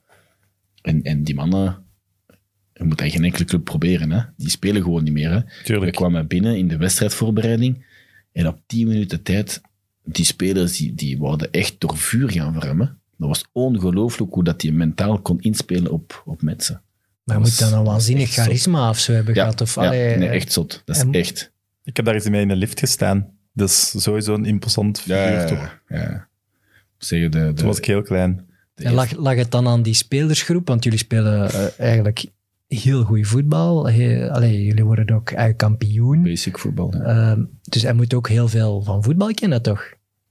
Hij heeft de juiste spelers op het juiste moment samengebracht. Ehm, en waarom zijn we ook blijven spelen? Dus Dat is ook gewoon omdat wij allemaal, Jeremy Huigenbaard speelde linksbak, eh, Duplus, Souma, Val, al die mannen. Ja, het was een beetje van, ofwel doet je het nu, Eh, het, het gevoel dat jij had, eh, of dat je zou hebben als 21-jarige bij Laval of bij Westerlo, was voor mij toen. Dat was toen van, oké, nu... Tijd is om het te nu, bewijzen. wel, voilà. Laatste ofwel is het nu, ja. is het niet. En, en iedereen had dat eigenlijk. Ja, maar er is een verschil om met zo'n ploeg die niet betaald wordt, rare regelingen, eh, slechte accommodatie, achtste worden, kampioen. Zo die laatste drie, vier matchen, als er veel druk komt kijken, je moet winnen, eh, dan gaat je toch mentaal rapper afzwakken als, als de omkadering niet goed is, zou ik denken. Nee, Daarom vind ik het des te knapper dat jullie dat wel hebben Ja, gehaald. het is wel zo, ik vind het ook wel knap. Ja, zo'n soort van vrijbuiters. Ja, Het is ook, we elkaar. moeten niet onnozel doen. Het, is, het was de, de nachtmerrie van, van Belgisch voetbal. Ja, dat kampioen het was wij Iedereen was tegen- eigenlijk jullie tegen de rest. hè. Nou ja, als je het seizoen gevolgd hebt, het is vooral de niet-titel van Antwerpen. Ja, Niet als beerschopspeler gezegd, maar die hadden aan de winterstop, kom- of net na de winterstop, komen die 0-4 winnen bij ons. En, was, en hadden wij 10 of 11 punten achterstand met een match meer gespeeld, wij dan. Dus dat was eigenlijk onmogelijk om, om terug te komen, maar wij halen, denk ik, 24 of 24 op het einde. Eh, en, en zij verliezen matchen na elkaar, dat je denkt van, ja echt choken. Hè. ja. Hm. Ja, en dan de laatste wedstrijd. En ook nog met het verhaal dat we dan punten terugkrijgen van de wedstrijd Ja, van Serena, ja. dat we dan voorkomen. Dat was echt Ja, typisch. Dat was typisch John Bico. Dat was typisch. Want die speler van Serena die niet speelgerechtig was, die zat bij ons in het begin van het jaar. Dat is echt waar. Die zat bij ons en die had dan zo gezegd zijn contract nog niet ontbonden en die mocht niet spelen. En, en precies, ah ja, precies. Achteraf denkt hij van, ja, die heeft dat gewoon echt expres wist dat, gedaan. ja. Pico heeft dat in scène gezet, ja. Dus ja, en dan de laatste wedstrijd was Eupen Antwerp, die speelden dan gelijk en wij Ja. winnen thuis tegen Patro. En dan was het feest met de, met de 36. Maar en is dat, is dat waar dat de beker bij jullie stond eerst? Ja, ja. En in de rust, de Proximus League Ja. was dat toen, die hebben die toen... Eh, de 70ste minuut hebben ze hem weggehaald. Ik heb dat gezien. Oeh, en wat, wat was dan ding? Omdat ze dachten dat er in Antwerpen nog een goal... Het was in Nee, nee, Antwerpen, nee. het was in Eupen. Nee, nee, nee. Ah. Ze hebben, dus de beker stond bij ons aan het stadion. Dus hè, daar staat uh, Raymond Goethals, eh, dus hè, de tribune en dan de beker. Supporters, eh, de 38 aanwezigen, konden dan een foto pakken met die beker. 38. En eh, ja, het zal al veel Familie geweest van. Amel. Ja, de familie van wat je zeggen. Eh, dus je kon een foto pakken. Dus mensen hebben effectief als supporter van Wijster een foto daarmee. Ehm, die is dan, eh, bij het oplopen stond die beker daar. Eh, die is dan iets verder achteruit gezet. In de 70 minuut, want ik was echt werkloos tegen Patro, eh, is die beker weggehaald. En, en hadden zij zoiets van, ja, al halen ze het, ze gaan die licentie niet halen, we willen niet dat die beker Jezus. hier komt. Dus ze hebben die, ze hebben die Dus je weggehaald. hebt die nog nooit gezien, die is niet nog Wel, teruggekomen achteraf, achteraf Ah, wel. heeft dus John Bico dan toch verkregen van oké, je doet wat je wilt met je licentie, maar Oh, mijn jongens, kerel, noemde hij het dan, zijn wel kampioen. Dus we promoveren niet, maar we zijn wel kampioen. Daarmee heb je, die titel staat er, maar daar staat niet promotie. Omdat, ja, dat zijn twee verschillende zaken. En ja, die beker hebben we wel, eh, hebben we wel nog gehad. Wat ik me gewoon breed afvraag, is dat een gangster of is dat een held, die Bico, voor die gasten? Want het- dat is toch een heel rare zaak in de geschiedenis eh, geweest. ja, uiteindelijk is het wel. Het is, het is een gangster. In, in welke zin? De, de ploeg speelde eigenlijk tegen hem. Dus hij, hij bracht die mentaliteit wel bij, maar die, die kwam trainingen op het trainingsveld op zijn badsloeven. op het trainingsveld. En dat waren letterlijk trainingen. Ik vraag aan Dennis Prishnenko, Greg Grisé was erbij. Dat was een uur, een uur en een half. 11 tegen 0. Dat was de shadow game, 11 tegen 0. Zevende pas, veertiende pas, 21ste pas moesten passen vooruit zijn. Voor de rest met de passen doe je wilt. Ik stond daar als keeper. Ik lieg niet, hè. Ik moest de passen tellen. Luid op in het stadion. 1, 2, 3, 4, 5, 6. Ja, naar voren, naar voren. 7, naar voren. En dan constant zo. En, en, dat, en Oh, gek genoeg was dat het systeem dat wij ook speelden. Maar dat was een uur, een uur en een half training. Alleen shadow, hè. Dat was, dat was om, om, om zot van te worden. Dus je dekt lucht. En conditioneel... Je speelt tegen lucht. Ja, Ja, maar je, je ja. verdedigt niet tegen lucht, want Je Ja, constant nee, die bal lucht, bezit. lucht kan u niet dribbelen. Je bent constant die bal bezit. Jij als keeper had echt gewoon niks te doen. Nee, ik had de, ik had de, de eerste bal, speelde ik in. Ja, soms in, in die circulatie kwam die bal toch wel eens terug naar mij. Maar hij zat eigenlijk eh, halverwege de tribune. En als er een, een pas was, en dat was dan nog het strafste, daar heb je soms... eh, Jeremy Huigenbaard had aan de bal als linksbak en die speelde die centraal door en die zes pakte de bal niet aan, maar die bal ging naar de acht. Die stond terug, stop! Dat is toch niet realistisch? Dat iedereen zo keek van, we zijn 11 tegen 0 aan het spelen. wat, eh, wa- wat is dan wel realistisch? Bedoel, ja. Maar je durfde gewoon, je zei niks daarvan. Je zei niks, want als hij in colère uitschoot, wat al een paar keer gebeurd is, dat hij de speler heeft vastgepakt, dat was... Ja, dat wilde je niet meemaken. Maar is dat verhaal waar van de zakken met geld? Twee keer op het jaar. Wat is dat verhaal? De, de, de jaren voordien denk ik dat hij wel de rekening Maar heeft niet dat jaar. Allee, jij hebt dat zelf niet meegemaakt. Nee, ik heb dat niet. Maar jij bent gewoon niet betaald geweest. Of heb je Ja, dan ik- toch nog iets gehad? Nee, ja, in de eerste zes maanden betaalde hij dan. En dan na de winterstop waren dan moeilijkheden omdat het geld van Qatar niet kwam. En, en hij moest wachten, maar het komt in orde. En, en uiteindelijk hebben we dan na de winterstop eh, geen geld gezien. Niks niet meer. Nee, ja, ik, heb, ik heb uiteindelijk, omdat, omdat ja. ik als, als eerste samen met Orne en Joachim, eh, we zijn toen naar Lierse gegaan, hebben wij wel klacht ingediend. En dan hebben wij, we zaten dan bij de eerste schuldeisers. Dus eh, bij de verheffing zaten wij dan ja, van voor in de rij, ik zal het zo zeggen. Slim. En dan hebben we wel een, een, een ja, slim. Uiteindelijk moest hij... Er schiet toch niet veel niet meer over in zo'n verheffening. Nee, maar Ja. goed, hij moest er 25 of 30, laat ons zo zeggen, dat, dat, dat hij moest. En hebben we daar, daar acht van gezien of zo. Dus uiteindelijk, ja. Ja, ik las dat ze, dat ze niet weten waar die is op dit moment. Nee, Dat ze die niet meer vinden. Ja, zo kun ik. Ik moet, eh, ik moet zeggen dat, eh, zowel ik naar hem, is, is er geen interesse, maar ik denk dat er vooral haat is in de andere richting. Omdat hij zowel mij als Aurelien Joachim verantwoordelijk stelt voor eh, het verheffen van de club. Dus ja. Dus het verhaal dat via Antwerpen is gekomen, toen hij Antwerpen heeft overgenomen. Of die drie weken dat hij daar is geweest. De eerste speech dat hij geeft in de kleedkamer daar. Eh, je moet je geen zorgen maken, Lierse wordt sowieso geen kampioen, want eh, Van en Joachim zitten daar en die mogen daar niet spelen. eh, want die zijn nog altijd onder contract bij White Star. Dat zijn de gangsters, dat zijn dus uit het verhaal een beetje omgedraaid. In die zin. Dus ja. Oké, goed. Ja, ze zijn failliet gegaan met meer dan 4 miljoen euro schulden. Dus tenzij dat hij een transferprijs voor u kon vragen van 4 of 5 miljoen, zeg jij toch niet de schuldige van dat faillissement, denk ik. Nee, maar hij heeft, wel in het licentiedossier een eh, transfer erin gestoken. Van 3 miljoen naar Chelsea. Ah, ja, ja, ja, dat is Ja, juist, ja. Van eh, Sean Arts. 3 miljoen naar Chelsea. Die op dat moment vijf matchen had gespeeld bij ons. en en ook niet bij. Chelsea gespeeld heeft. ook. Nee, nooit. Maar nee, hij had, hij had dus effectief een, een, een, een blad waar dat, dus de, de hoofding en, en titels van Chelsea op stonden. Eh, Ja, dat had hem nog van toen een makelaar was Ja, van voilà. Hazard. En, ja. en, en, eh, dus dat was een deel. En het andere deel moest ook van Chelsea komen, omdat ze hem nog altijd commissies moesten op de transfer van Hazard, Eden en Torgan.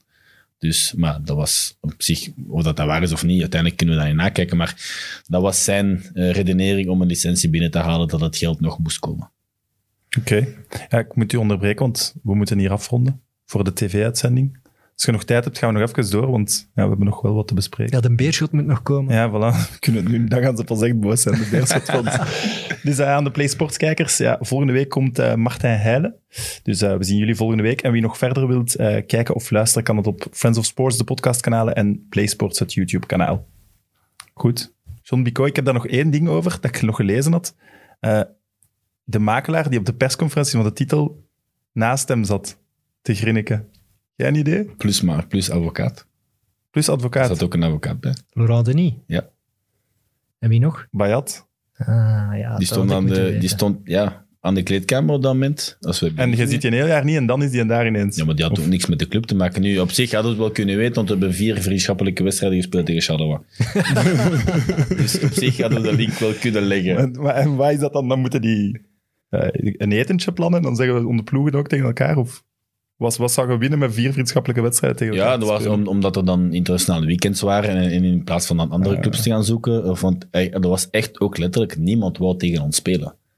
Omdat wij, ja, we hadden eh, eh, Armand Jankou in het middenveld staan en, en redelijk stevige types van achter. En elke ploeg die tegen ons speelde, ook in de, in de voorbereiding. En we hebben tegen, eh, hoe moet ik het juist zeggen, Dnipro, die het Ja. jaar daarvoor Ja, ja, de de Europa League finale spelen. gespeeld, ja. We spelen daar tegen vriendschappelijk. Dat is eh, bijna een, eh, een eh, knokpartij geworden.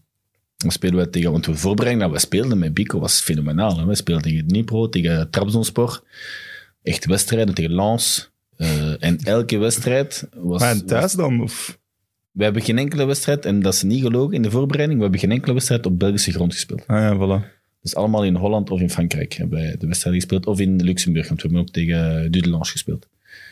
Dus het waren allemaal wedstrijden die hij dan via zijn contacten regelde. Dus ja, dat was van, oké, dat zijn echt toffe wedstrijden. Een Trabzonspor die, oefen, een Trabzonspor die oefenwedstrijd was aan 3000 man ineens. Op een, op een Dat maakt nooit veld meer. ergens in Holland. Maar ja, die supporters van Trabzon, dat waren echt zotte. Ja, ja, Turken overal ter Ja, wereld, die blijven fan van hun ploeg. Dus ja. eh, dat, was op zich wel, dat was op zich wel zot. Maar. Als ze morgen belt, pakt op. Van, hey, ik heb een ploeg, maar Ja, ik- nu toch niet meer. Nee, maar ik- ja, ik denk ook als hem belt, dan zeg ik van ja, je gaat, je gaat toch eerst langs Beerschot moeten gaan. het is niet dat je direct aflegt. Nee, nee, ik pak altijd op. Hè. Ik, op zich, ik heb, ik, heb in, ik heb in mijn ogen ook niks misgedaan. Ik bedoel, ik heb, ik heb gewoon het, het, ik heb gegeven wat hij van mij verwachtte. En hij heeft mij niet gegeven wat ik van hem verwachtte. Dus in die zin denk ik dat hij eerder bij mij niet gaat oppakken dan andersom. Ik had hem graag eens ontmoet. Dat zit er niet meer in, denk ik. Ik heb hem ontmoet en goed, die had nu wel weinig echt gangster-allures. Dat was gewoon zeer imposant, maar dat was wel en, een, en heel, een knuffelbeer, vond ik eerder, eerder dan een gangster. heel wel bespraakt. Ja. En, eh, en, en heeft een, een, een natuurlijk aura die, ja, Maar zijn een droom was toch Mina, Mino Raiola-achtig type te worden. En dat is ook niet gelukt. Maar ik heb hem, want we hadden met Nike een shoot in Lille, toen Hazard zijn nieuwe club ging bekendmaken. En Hazard die, eh, was daar wel verliefd op ze. Ja, maar ik zeg het. Die, allee, Qua- die, dat- qua- die klikte echt zot hard. Qua in, in, in de mindset of, of van, de, van de spelers, van wie dan ook geraken, was, dat was ongelooflijk wat hij kon. Dat was, Ja, en door uw eerste keeper te maken en zo'n goed seizoen te spelen, heb je wel die doorstart kunnen maken in je carrière. Hè. Tuurlijk, hebt- maar het is wat er daar- daarna gekomen is daaraan te danken. klopt. En, en, en het financiële deel weegt voor mij ook totaal niet op met wat het mij sportief heeft opgeleverd. Want uiteindelijk heeft het mij wel op, op de kaart gezet. Heeft het mij mijn, mijn overgang naar, naar Lierse eh, kunnen maken. Ik had toen, de, ik had toen keuze tussen Lierse. Ik kon daar ook naar Roeselaar op dat moment met Arnaud Mercier, die daar toen zat. Eh, dus ik had op zich wel Was Roeselaar ook 1B? Ja, dat was Ook een 1B. hè. topploeg Dat- toen dat- in die, 1B, die hè. hebben toen het, het jaar ja, 2000 tuurlijk, overgenomen door ja. Ja, China, ja, door Chinese vrouw. Ehm, en die hebben toen de finale gespeeld tegen Antwerpen dat jaar. Dus Want Lierse was maar nipt 1B, hè? Want dat jaar die, dat die jij... zijn de laatste speeldag eh, in die top 8 gebleven door te gaan winnen in de Virton. Ja. Dacht ik, ja. Zevende, maar ze worden later zesde, omdat er nog een ploeg geschrapt ja. wordt of zoiets. ah ja, ja. Wauw. En dan gaan ze, die stap naar Lierse was wel ook weer de bedoeling van nu moet het, gelijk bij Nijmegen. Dat was toch wel een heel sterke ploeg hè, bij Lierse. Ja, dat was, dat was echt een, een, een heel goede ploeg samengebracht eh, met Erik van Meijer dan als trainer. Vond ik top, als trainer. Ehm, Ja, waarom En- is die nu eigenlijk niet meer trainer? Allee, gewoon nee, trainer. die, die zit in, in, in Ja, dat is, vraagt hem dat eens zelf. Hè. Dat Ja, ligt heel maar- gevoelig, hè, want Ja, hij is daar drie, vier keer aan en afgeduwd. En dat, dat is zo wat haat-liefde altijd geweest hè, met hem. Maar inderdaad, zo, iemand als Van Meer zou eigenlijk altijd bij Lierse een belangrijke functie moeten hebben. Klopt. En dat seizoen waarom, hebben jullie waarom ook heel goed een goede trainer, bijvoorbeeld? Gewoon door, door zijn, zijn, zijn algemeen gevoel dat hij, dat hij overbracht aan de groep. En ook gevoelde zijn, zijn ervaring. En, en en als ik zo moet een moment kiezen, dan is het de eerste wedstrijd dat we spelen eh, op Antwerpen. Dus de derby, eh, Bosuil volledig vol. Ehm, en de aftrap begint vier of vijf minuten later, omdat hij beslist dat hij vier of vijf minuten later begint. Jongens, rustig, blijft in die kleedkamer. Laat ze maar wat zot worden, laat ze elkaar zot maken. Op het veld, eh, dan eh, de, de twee rijen, de hymne, en dan roept hij iedereen naar de bank, cirkel aan de bank. Maar je zit, eigenlijk, je zit met een heel stadion dat tegen u is. Hè? En toch, Ja, en Haalt hij het hem minste dat? stadion. wat zeg je? En niet het minste stadion. Nee, natuurlijk. En, en dat was ook ja, kolkend, hè, de Boselkan. En dan, ja, die, die maakte echt van, ja jongens, blijf maar gewoon hier staan. Die wedstrijd gaat toch niet beginnen voordat wij staan. Dus wij beslissen wanneer het begint. En ik vond dat, ik vond dat zo krachtig. Nee, maar ook toch? op een heel rustige manier. Die zijn besprekingen, nabesprekingen. En dat was ook heel belangrijk voor spelers zoals, zoals Benson, die een heel goed seizoen speelt. Eh Masika, die een heel goed seizoen speelt. Dat was echt zo'n vaderfiguur voor die, voor die. Maar voor mij ook. Ik had, ik had toen mijn eerste seizoen ook met Patrick Nijl als keeperstrainer. En die klik was er ook direct. Dus die, die, die- ja, die staf was wel heel goed. Waanzinnig seizoen, hè? Dat is de Bijna. enige club ooit die eerste is geëindigd en niet is overgegaan, denk ik. Ja, omdat dat, we, dat blijft plakken aan dat jaar. Hè? Ja, omdat we dat was eigenlijk vooraf aan het seizoen eh, een beetje naar, naar buiten gebracht als, als het enige mankement aan, aan het systeem. Dat, dat je wel eens met een kampioen kunt zitten die geen periode wint, dus die niet opgaat. En dan van het eerste seizoen is het er natuurlijk boek op. Maar dat ging nooit gebeuren. Hè. Iedereen dacht dat gebeurt. niet. Ja, nee, natuurlijk niet. Maar, Dat kan niet, dan zijn er sowieso wel één van de twee keren kampioen. Maar je ziet, ja, de eerste periode spelen we eigenlijk de hele tijd aan kop. Eh, en de voorlaatste speeldag, denk ik, met een, met een fenomenale reeks komt Roeselaar nog over ons, omdat wij thuis verliezen tegen Lommel. Ehm, en in de, in de terugronde eh, is het ook met een gelijkspel op Lommel, die toen gezakt zijn, dacht ik, bij haar. Eh, dat wij het eigenlijk vergooien.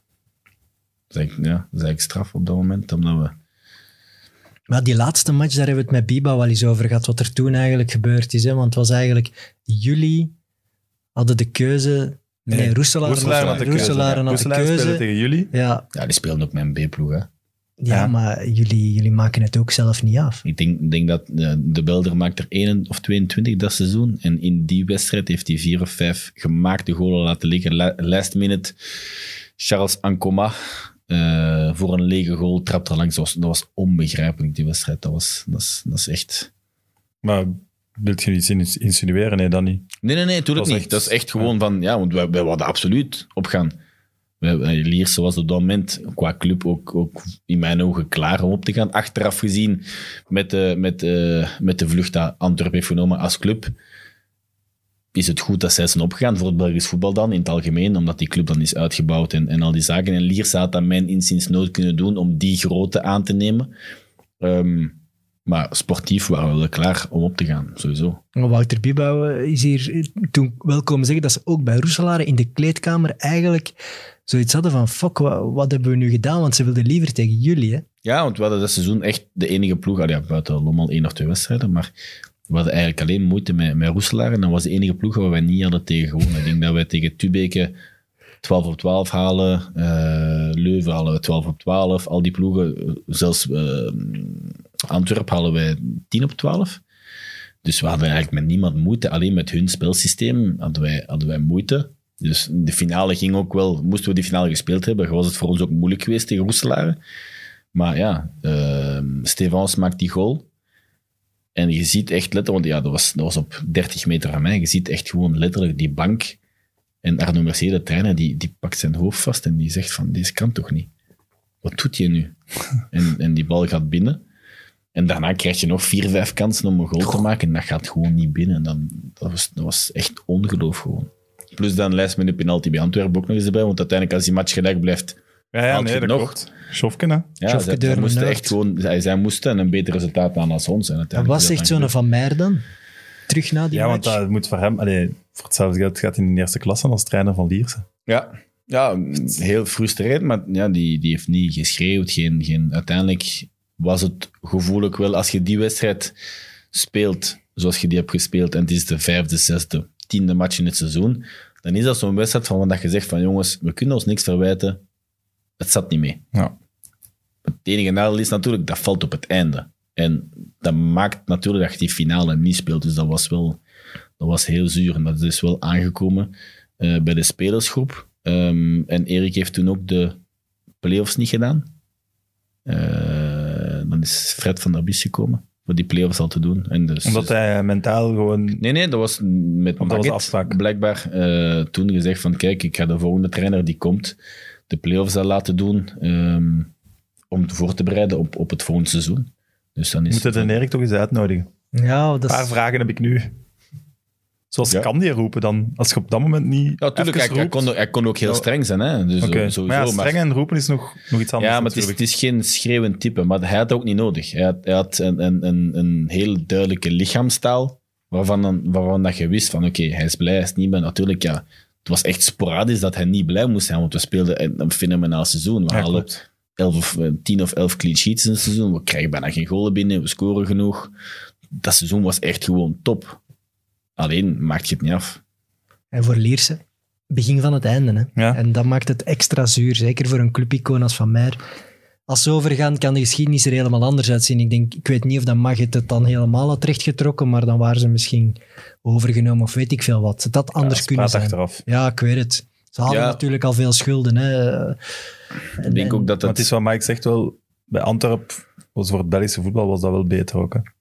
Ja, ik, ik vermoed dan wel dat dit jaar daarna wel nog vol voor de titel waren gegaan. Maar Aliers is echt gewoon gedaan. Hè. dat is dat is wel hard. Ja, het was al ingezet in de zin van eh, in de winterstop Masika wordt verkocht. Ja, naar Thailand of China of wat naar, was naar het? China, aan, aan de club van de eigenares van de Roeselaar. Ja. Dus die heeft die echt gewoon ge- gekocht om, om ons te verzwakken. Ja, maar jullie, allee, ja, Liersen is erin meegegaan voor dat beetje geld dan. Ja, Ja, ja. Ik denk, denk dat je daar wel de, de nuance moet maken tussen Liersen en Magget. Oh, ja. Want Lierse was niemand in de club die, die dat wou. En dat is eigenlijk buiten de club heen beslist. Dus, en daar kunnen ze niks aan doen natuurlijk. En dat is het grote nel dat je hebt. Als je ene mecenas hebt, ja, die beslist alles. En die doet zijn eh, beste speler weg. In het midden van het seizoen, waarin je moet promoveren. Ja. En je bent als Beerschot-speler misschien iets te lovend geweest over Antwerp. Met, met, de- met de zo. Maar ik geef je een kans om terecht te zetten. Ik heb een vraag van Moe. En die vraagt zich af, waarom deed je na de overwinning met Lierse op Antwerp eh, een aantal koprollen? Haat, Achterwaartse haat jij Antwerp? Nee, maar dat was ook niet tegen Antwerpen, want ik deed dat het hele seizoen. Bij de, Ah, oké. bij de, De vraag was tegen Antwerp. Nee, tegen, dat was elke overwinning eigenlijk. En we hadden er redelijk veel seizoen. Maar het is eigenlijk begonnen met de bekerwedstrijd, cultmatch eh, op eh Warem, Borgworm. Eh, dat we 8-1 winnen. En er waren, ik denk, 100 supporters meekomen. en die waren eigenlijk van Lierse, maar dat was ook redelijk, redelijk ver. Dus op Voor zich- iedereen een koprol. Ja, die komen mee en die vroegen van, eh, die zeiden van, eh, en, en Frans die doet een koprol, maar ja, in, in de wedstrijd dan, dus je deed dat dan niet. En dan logisch ook hè, dat je dat in de wedstrijd niet doet. Oh ja, Maar, dat, eh, dat wil ik zien. Maar dus ja, op een gegeven moment kwamen ze dan aan, aan, aan Van Haal. Maar ik heb dat na de wedstrijd wel gedaan. En dan is eigenlijk zo'n een ding geworden dat dan na elke wedstrijd scandeerden ze dat dan. En, en dan deed ik dat gewoon na een overwinning. Een achterwaartse koprol met dan direct op de voeten te komen. En dat was eigenlijk een ding dat ik, dat ik heb gehad. Dat was toen eigenlijk een, een klik eigenlijk met de supporters van Lierse. En dat was eigenlijk alleen Lierse. Dus Dat heb je daarna niet meer gedaan. Nee, bij, bij geen enkele club. Omdat dat was eigen aan, aan mijn tijd bij Lierse, vond ik. En, en dat moet nergens anders bijkomen of, of wat dan ook. Oké. Eh, Sven vraagt zich af of er dit seizoen eh, al ruzie is geweest in uw familie. Gezien dat uw broer een zware Antwerp-supporter is. Nee, maar op zich is, is het is ook geen, geen, geen strijd op leven en dood. Hè. Als, eh, Als ik Twitter open doe, twijfel nee, nee, bedoel, met, met, de, met, de, met, mijn broer bedoel ik dat. Ja, ja, ik snap het. Ehm, ook omdat ik denk dat ik in, in, in totaliteit nog altijd voorsta met de overwinningen. Eh, met White Star en, en, en alle ploegen erbij. En, eh, en Lierse vooral. Ehm, ja, nee, maar het is... is Maar supportert hij dan wel voor u als je dat niet tegen Antwerp speelt? Of? Nee, ja, op zich wel. Dat krijgt hem wel over zijn hart. Ja, voor mij. Niet Ja, nee, nee, dat maar, snap ik. Maar wel, wel voor mij, dat wel. Ehm, maar goed, hij, hij supportert echt wel fanatiek voor, eh, voor Antwerpen. Ook in het kampioenenjaar met White Star is hij naar de wedstrijd Antwerp-Eupen gegaan. Eh, ik had hem toen uitgenodigd. Ah ja, titelmatch. Ja, en, en dan heeft hij ook wel letterlijk gezegd van, kijk, ik ga liever eh, treuren met de fans van Antwerpen dan de titel te vieren met White Star. Ja, met, met mijn broer, moet hem dan zeggen. Ja, oké, kijk. Dus Oké, dat is speciaal. Dat is toch een echte supporter dan. Ja, maar echte supporters, daar kan ik, toch, daar kan ik wel in komen. Hè? Als, Ja, dat als mijn club van broer zijn voor hart is. Club Brugge zou spelen, zou ik nu ook wel naar Club Brugge gaan. Maar hij supportert voor u. Gewoon niet tegen Antwerpen. Voilà. Supporters zijn niet zo raar. ja, dat is moeilijk. Het is moeilijk want de, de broerband kan ik ook niet Hier ontkennen dat dat zeer belangrijk is. Dus Ja, maar die inderdaad, staat ook als, vol met mijn- van Antwerpen. als mijn broer bij Hij Anderlecht staat zou vol met spelen... tattoos van Antwerpen. Ja, ja. Hij staat vol Oké, maar dan moet je Ja, hij echt in een tattoo, dat embleem vind om... ik. eh, ik? Ja, maar het is geen strijd tegen hem. Ik ben, ik ben heel blij en, en zeer vereerd dat ik bij Beerschot speel, maar ik denk niet dat ik op dit moment een, eh, een, een, een tatoeage nodig heb om, om clubliefde te tonen. Dat, Ja, dat maakt die, die derby's wel geniaal voor u, toch? Ja, maar ik moet zeggen, in, in, in de eerste, toen ik bij Lierse zat, was het echt wel Toen was het ook al eigenlijk. een felle strijd. Ook omdat ja, hij zat bij Antwerpen. Mijn, mijn schoonvader is een diehard fan van OHL. Die zat er toen ook in de reeks. Dus dat was eigenlijk bijna elke week was er wel een strijd in de familie, waardoor dat het eh, iets, iets specialer werd. Ook Leuven, omdat dat mijn ex-ploeg is. Dus op zich, ja, dat wel. Ja, na het jaar met, met Lierse, je speelt er nog een paar matchjes, denk ik, in het volgende seizoen. Ja, Maar je vertrekt wel nog die zomer. Ja, ik ben de, la- de laatste dag van de transfer. Ben ik. Was dat dan omdat je wel al voelde, dat gaat er financieel niet in orde komen? Want ze gaan pas failliet mei daarop. Ja, de, Dus dat de- duurde wel nog even. de, de weg naar beneden financieel en, en, en zo was wel al ingezet op dat moment. Ehm, maar er was wel op dat moment voor mij geen vermoeden dat het Zo zo, snel, snel, naar ja. beneden zou gaan met Lierse. Eh, ook omdat ik zo zat van, Maget is, eh, is, is vaak en, en veel om de tuin geleid financieel dan, maar die gaat dat niet over zijn hart krijgen om Lierse gewoon ten onder te laten gaan. En dat was mijn idee dat ik had van Maget. Ook omdat natuurlijk in euforie een heel goed seizoen gespeeld en, en, en je komt eigenlijk nooit in, in, in contact met, met hem of met Lierse in het algemeen. In, ik heb nooit Lierse gekend in, in, in een slechte, Ja, in slecht slechte moment. Ik bedoel, dat was, zelfs met die wedstrijd te verliezen tegen Roeselare, dan was dat nog een fenomenaal seizoen. Mhm. Dus dat was, niet, dat was niet negatief, dat was niet... Maar ik ben toen ja, vertrokken ook omdat het een, een opportuniteit was om, om, om op dat moment naar, naar dat KV Oostende te kunnen gaan. Wie, wie vind je het gekst, Bico of Maget? Maar gek, pff, het is... eh, Ze Bico- zijn elkaar waard. Ja, maar Bico is maffia gek. Dat was echt met, met echt slechte bedoelingen. Dat hij dat, hij dat allemaal in elkaar heeft gestoken. En echt gewoon geldgewin, voor, voor, voor persoonlijk geldgewin. Maget is, is door de jaren heen misschien... Daar gaan we Eh, toch ook zeggen over hem dat het voor persoonlijk geld Ja, maar het is, was. door de jaren heen is hem Nee, bitter geworden. Ja, maar het omdat heeft het niet gewoon- lukte. Ja, omdat het niet lukt en ook omdat hij heel veel geld heeft... Ja, hij heeft er alles ingesmeten Ja, hij en heeft heel heeft veel geld kwijtgespeeld aan, dat was toch aan hij die- slechte personen. In zijn eerste interview zei de volgende Messi, moeten we hier zelf op Ja, ja, daar heeft hij waanzinnig veel Ja, geld in gepompt. ja, Giroud heeft er ook heel veel in. geld uitgetrokken. Eh, Bico heeft nooit geloofd in White Star. Dat, was, dat was volgens mij iets, iets van, van witwaspraktijk in, in, in, in- op, op hogere niveaus of weet ik veel wat. Want volgens mij heeft, hij daar, heeft Bico geen geld verloren aan White Maget heeft echt wel geld verloren aan Lierse. En, Ja, ik en denk, daar ligt eh, wel het verschil tussen, tussen gek. Ja, omdat je, omdat je sowieso, denk ik, in, in de voetbalwereld. Als je er moet- zoveel geld in steekt, moet je echt wel sowieso al voetbalgek zijn. Maar ja, maar Ja, Bico klopt. was dat niet. Bico was echt gewoon maffia. En Maged speelde met geld van de familie. Hè? En is gewoon op matchen geroepen in Egypte. En die hebben op een gegeven moment gezegd: en nu is het echt genoeg. We steken de, trekken de gezegd, stekker. we gaan de kraan hier even dicht Ja, en En dat was het. dat was bezigheidstherapie eigenlijk. Hè? Of dat werd altijd zo gezegd. Ja, ik geloof het. Eh Mark Koeken gaat u dan halen voor KV Oostende. Ja, Luc de Vroe. Was dat met de belofte eerste doelman? Ehm, ja, ik, ik heb, ik heb toen wel eh, gezegd van, kijk, ik kom. Dat was met, met Yves van der Hagen toen als trainer. Ik kom, maar ik wil wel... Ik, ik heb nooit een eerste plaats geëist, of, maar ik wou wel een eerlijke concurrentie. Ik zeg, ik kom en ik wil gewoon een eerlijke, open concurrentie. Oké, Willem Dutois zit daar, die heeft al zoveel jaren in 1A. Logisch dat hij natuurlijk ook in die concurrentie komt. Ja, Porto was toen aan de beker verwezen, die moest weg met een gans verhaal. En ik heb toen getekend en, en eigenlijk het eerste gesprek dat ik had met, met Yves van Dragen was, was voor mij het, het, het, eh, het, het beste gesprek dat ik ooit heb gehad met een trainer. Omdat hij echt heel rustig tegen mij zei van kijk, je hebt hier niks te bewijzen. Ik weet wat je kunt. Binnen vier dagen is het match tegen Mechelen gespeeld. Doe dat goed, je blijft staan, jij bent mijn nummer één.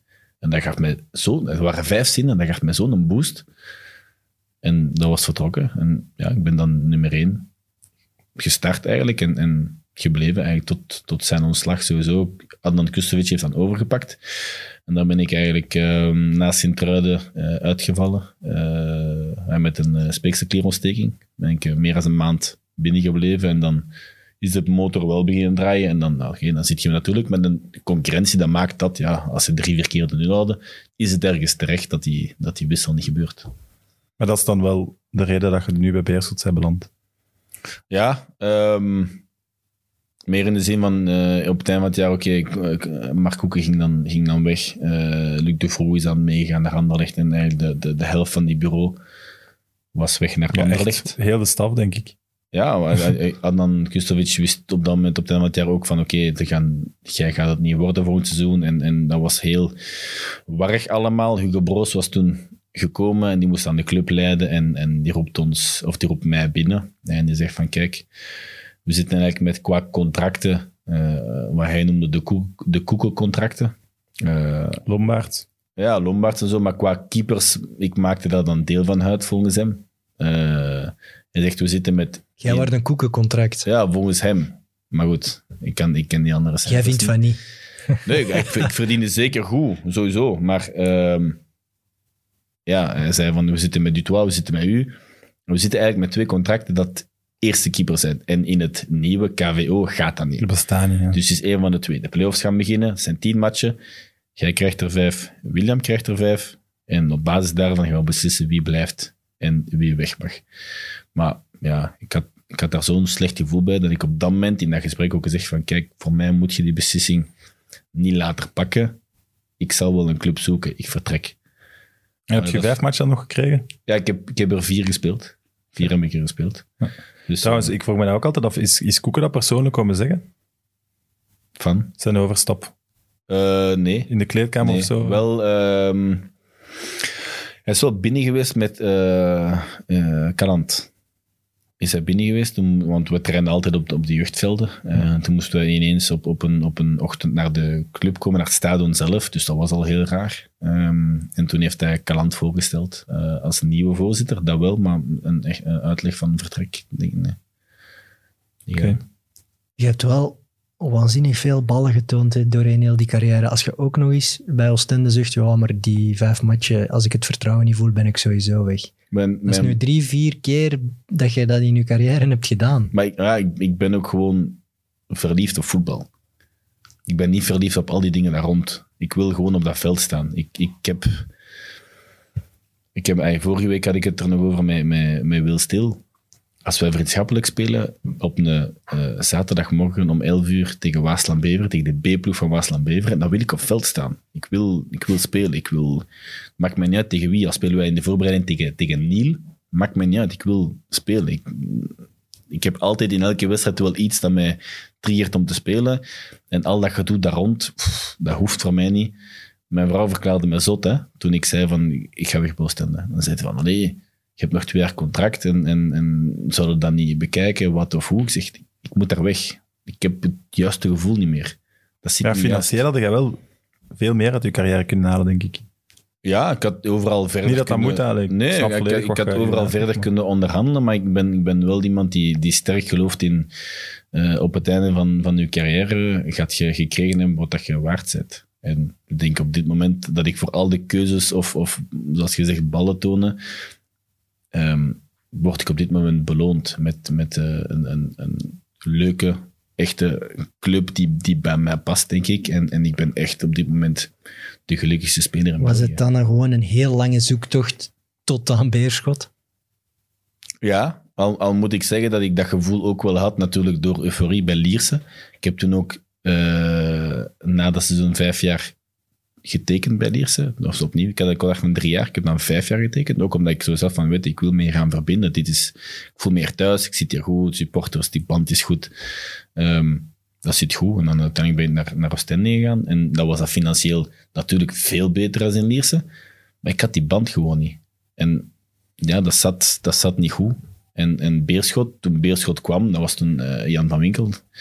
Ehm, ja, dat gevoel zat direct juist, omdat ik zei, ah ja, als ik denk aan, aan, aan, aan het Kiel en die supporters en, en, en als dat goed gaat, en omdat ik, ja, ik ben een eeuwige optimist, en ik had alleen dat, dat, dat juichende beeld voor mij van Beerschot, dan had ik zoiets van, oké, dat moet 100% lukken. Dat, moet- dat moet gewoon dat worden.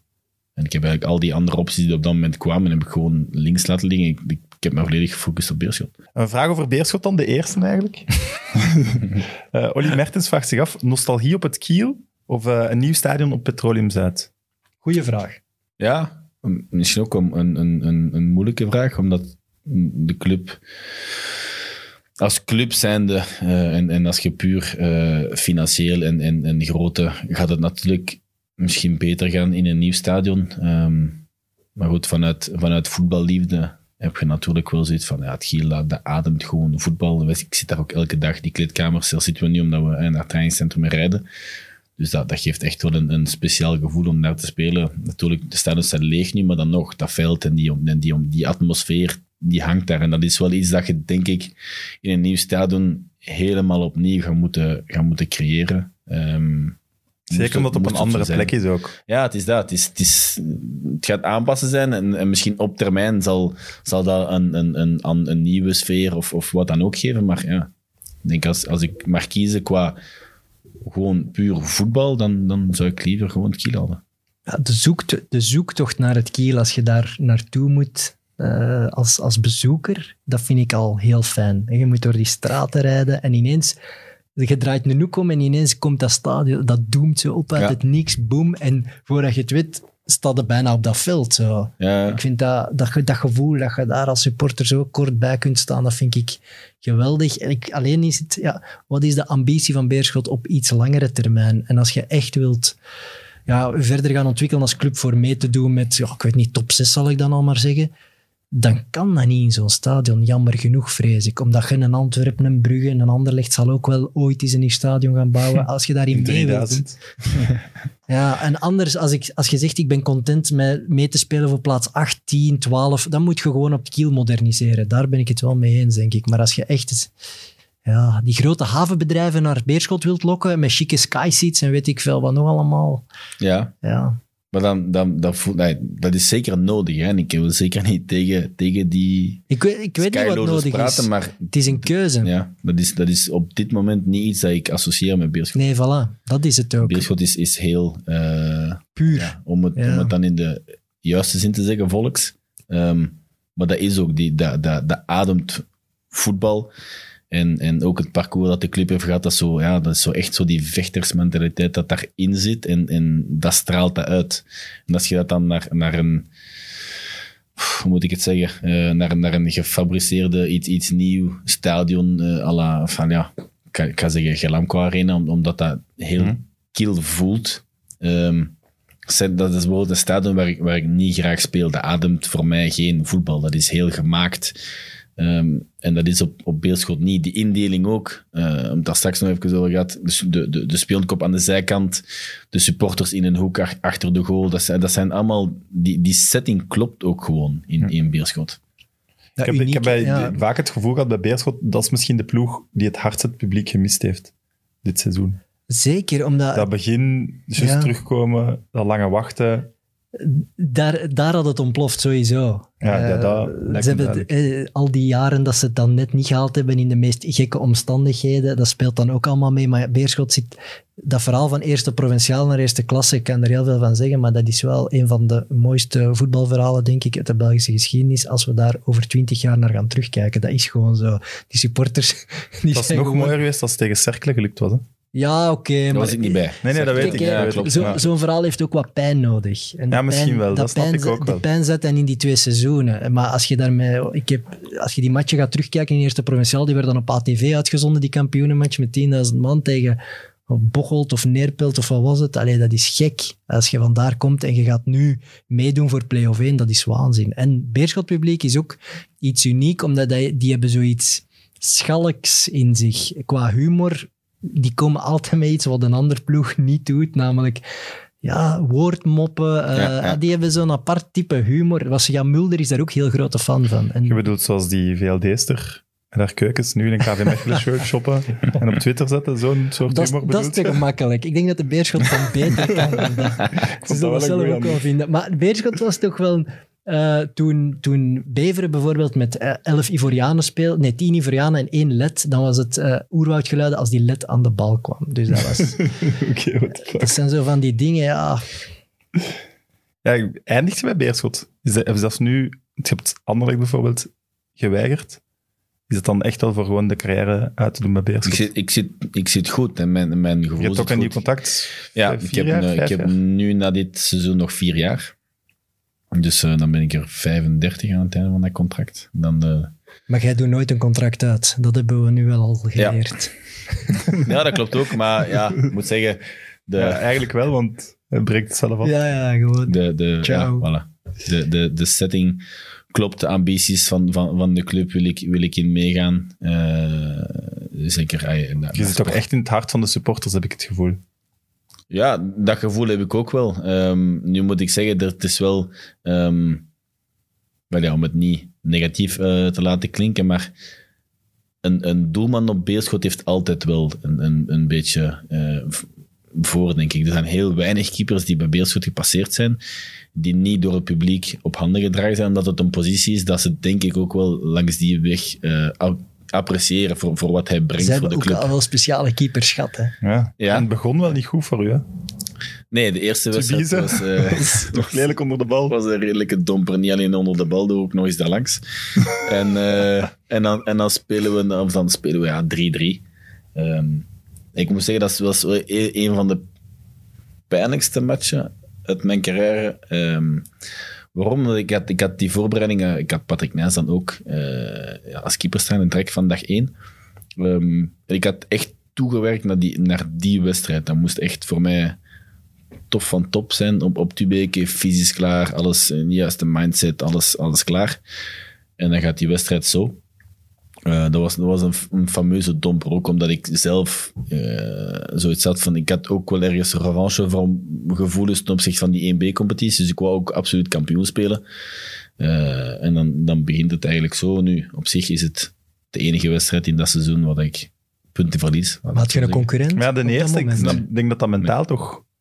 Nee, maar ik, hey, ik ben ook nooit bezig geweest met, met, met die Als concurrentiestrijd. er niemand was om je plaats af te pakken, dan kan Nee, maar, ja, wel. ik zeg, die, die, die, die concurrentie leg ik eigenlijk in, in beter zijn als, als, als mijn voorgaande ja, eh, jaren. Ik wil altijd beter zijn en, en dat is ook wel iets waar, waar, eh, wat ik apprecieer aan, aan, aan Beerschot, sowieso de, de staf, maar, ook- maar ook het bestuur. Dat zij meegaan in mijn verhaal van ik, ik, ik ben echt eh, mijn grootste concurrent in de zin van ik wil altijd beter worden met elke wedstrijd en het is niet door iemand anders naast mij te zetten die evenveel of, of meer ballen pakt als mij, eh, dat ik ineens ga zeggen van oei, nu moet ik gaan opletten. Elke wedstrijd is, is voor mij belangrijk en, en ik werk elke week toe naar die wedstrijden. En in, in, in die opbouw zit ik eigenlijk op dat moment ideaal bij, bij, eh, bij Beerschot. Eh, Swift Rangers vraagt, ehm, we hebben in lege stadions, horen u heel veel roepen. Doe je dat meer dan vroeger? Of lijkt dat maar? Maar ik denk dat dat lijkt, want op zich is, is mijn coaching eh, niet anders als, als dat ik zou doen met, met een vol stadion.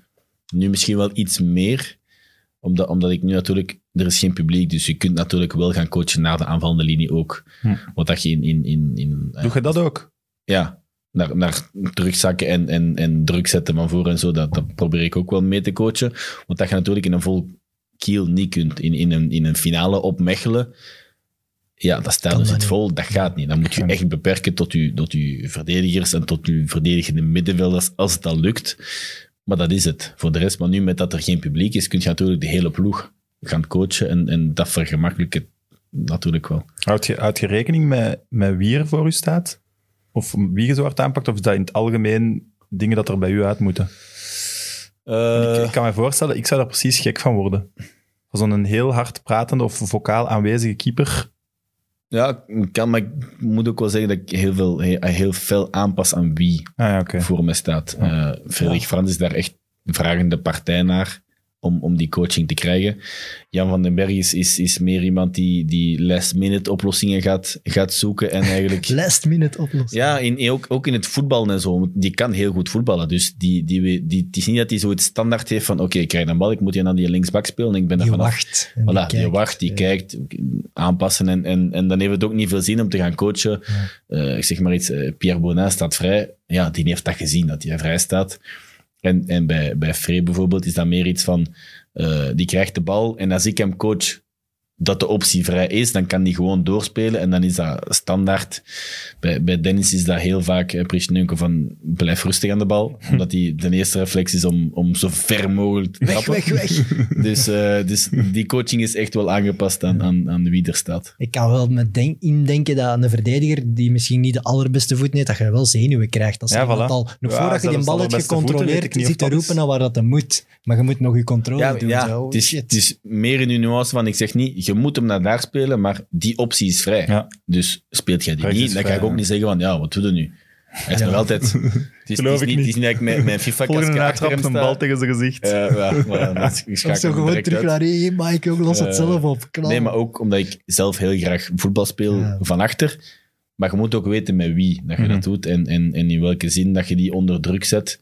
Ehm, als er spelers onder halve druk staan van, van een aanvaller, zijn er spelers zoals Jan, die ga ik altijd de bal geven. Dario van den Buis, die, die speelde, eh, die ga ik de bal altijd geven. Een, een Dennis Prusnenko of een Pierre Bourdin, die hebben dat minder. Die kunnen niet met die man in de rug draaien en dan nog het overzicht. Dat is ook gewoon eigen aan een speler. Iedereen heeft zijn kwaliteiten en daar moet je ook kunnen op inspelen. Is er ooit een terugspeelbal binnengewaaid? Want dat lijkt me als keeper wel echt zo'n moment dat je je wilt wegzakken van schaamte. Zo. Ja, over en naast de bal Ergens- vind ik, ergens denk ik hout- dat je ook schaam. Ergens hout vasthouden, maar dat is nog niet... Nog niet Want je voetbalt wel heel graag mee. Hè?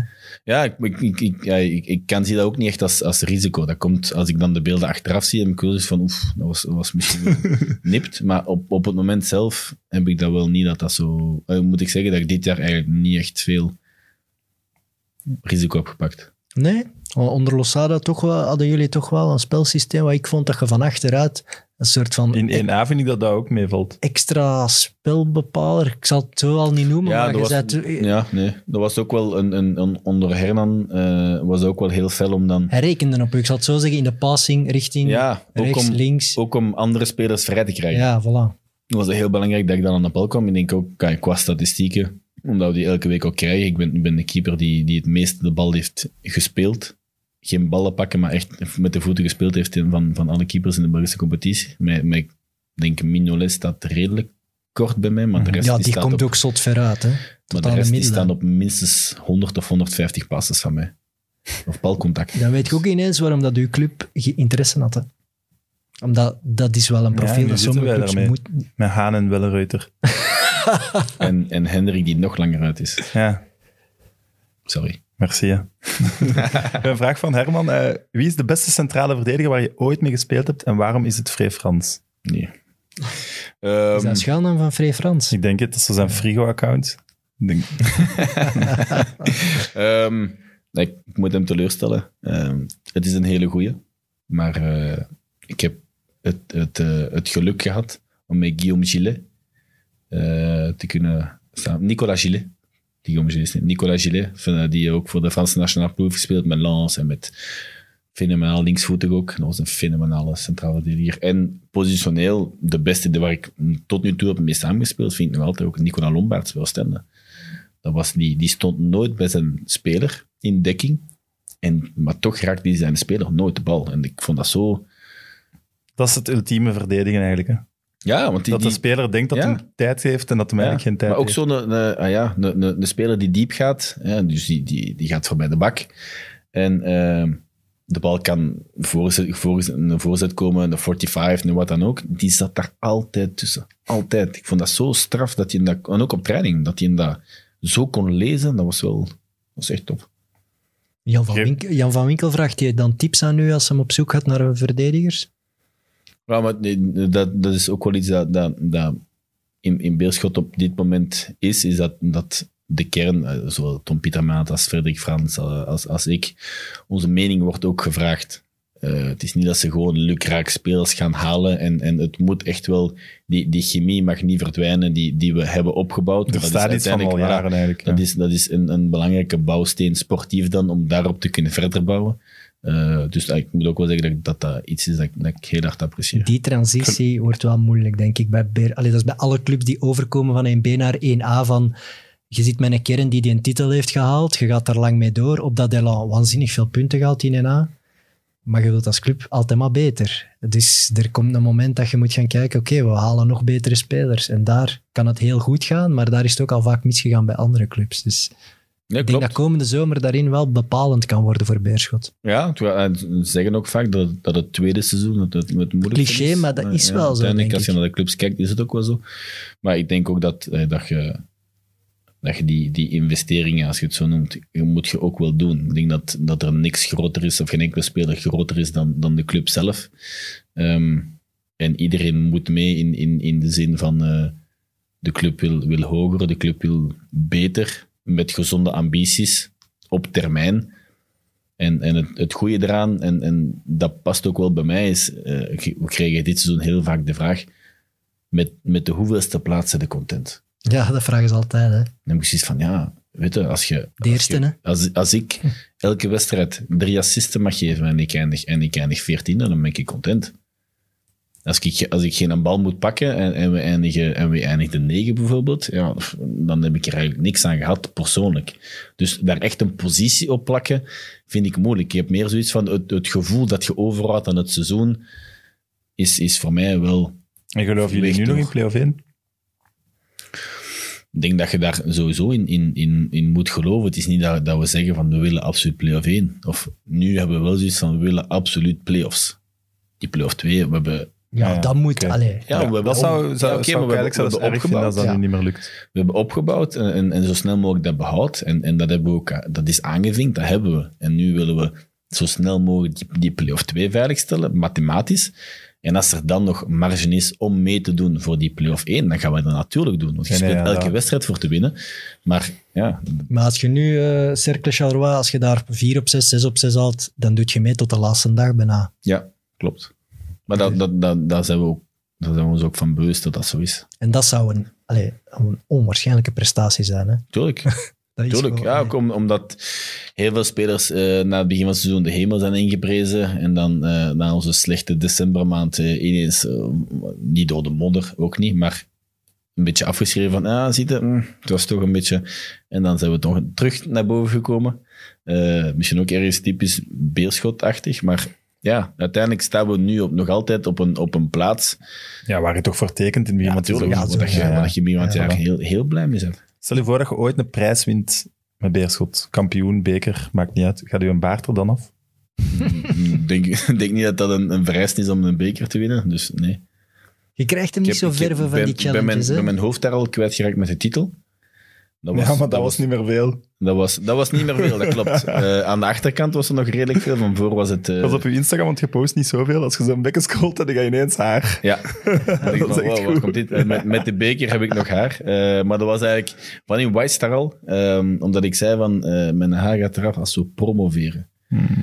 Dus White Star was kampioen. Maar, Ah, ja, maar dat was eigenlijk onbewust. Tactisch. Maar ja, en dan... Dat zoals die speler van Bico, dat hem achter de hand hield. Ja. Ja. Eh, Ik ben een enorm grote Losada-fan. Is dat terecht, als ik dat nu moet vragen? Wordt dat de next big thing? Of wat dat je ook hoort, was Wil Stil toen ook wel de kracht. Enfin, De, de, de twee... eh, De waarheid ligt in het midden. De twee kloppen. Want Hernan is waanzinnig goed in tactiek, in, in, in het spel lezen, in wat hij ook als speler. En, en als trainer heeft hij dat ook. En, en, en hij weet heel goed hoe hij moet inspelen en, en praten met, met spelers om die op het... Hij heeft Rafa heel belangrijk gemaakt en terecht. En dat heeft ook geloond. Ehm, maar Will, is, is, is een ge- eh, gevoelsmens. In de zin van die, die een ademt, die leeft voetbal. Die staat er maar op. Die, eh, dat, is, dat is ongelooflijk. En dat is dan weer een andere soort trainer die, die denk ik, het zijn twee jonge trainers en, en naar een wedstrijd, ergens logisch, denk ik dat Hernan op dit moment verder staat, omdat hij op dat niveau ook gespeeld heeft en, hij- en hij kent die druk. Denk, denk dat, En dat- zijn leeftijd toch ook. ja, tuurlijk, zijn, zijn leeftijd ook, maar, maar ja, wil, wil zijn training is dan wel fenomenaal goed. En vond je die vlucht van Losada naar... Allee, vlucht. Die keuze voor United op dat moment slim? Terecht, want hij, het, ging, het ging toen wat minder, resultaten zaten wat tegen. En het, het gevoel leefde van, hij maakt nu die keuze omdat hij weet, bij Beerschot er zit geen rek meer op, ik ben nu weg. Maar je, je kunt toch gewoon niet op het einde van het Belgische seizoen naar de MLS? Nee, oké, dat speelde dan mee van, Ja, dat is speelt start later. en, ja. en toch lijkt die, die keuze van Hernan lijkt logisch. In zijn profiel, in Hernan zijn profiel, is die keuze logisch. En, en iedereen was ook direct mee in die keuze. Van ja, dat is, dat is wat Jullie Hernan- hadden ook zoiets van, gaan, ja, je dat, moet is, dat dat is Hernan. Die stap, dat is, als je dat voorstelt aan Wil Stil, dan denk je van, wat moet ik daar gaan doen?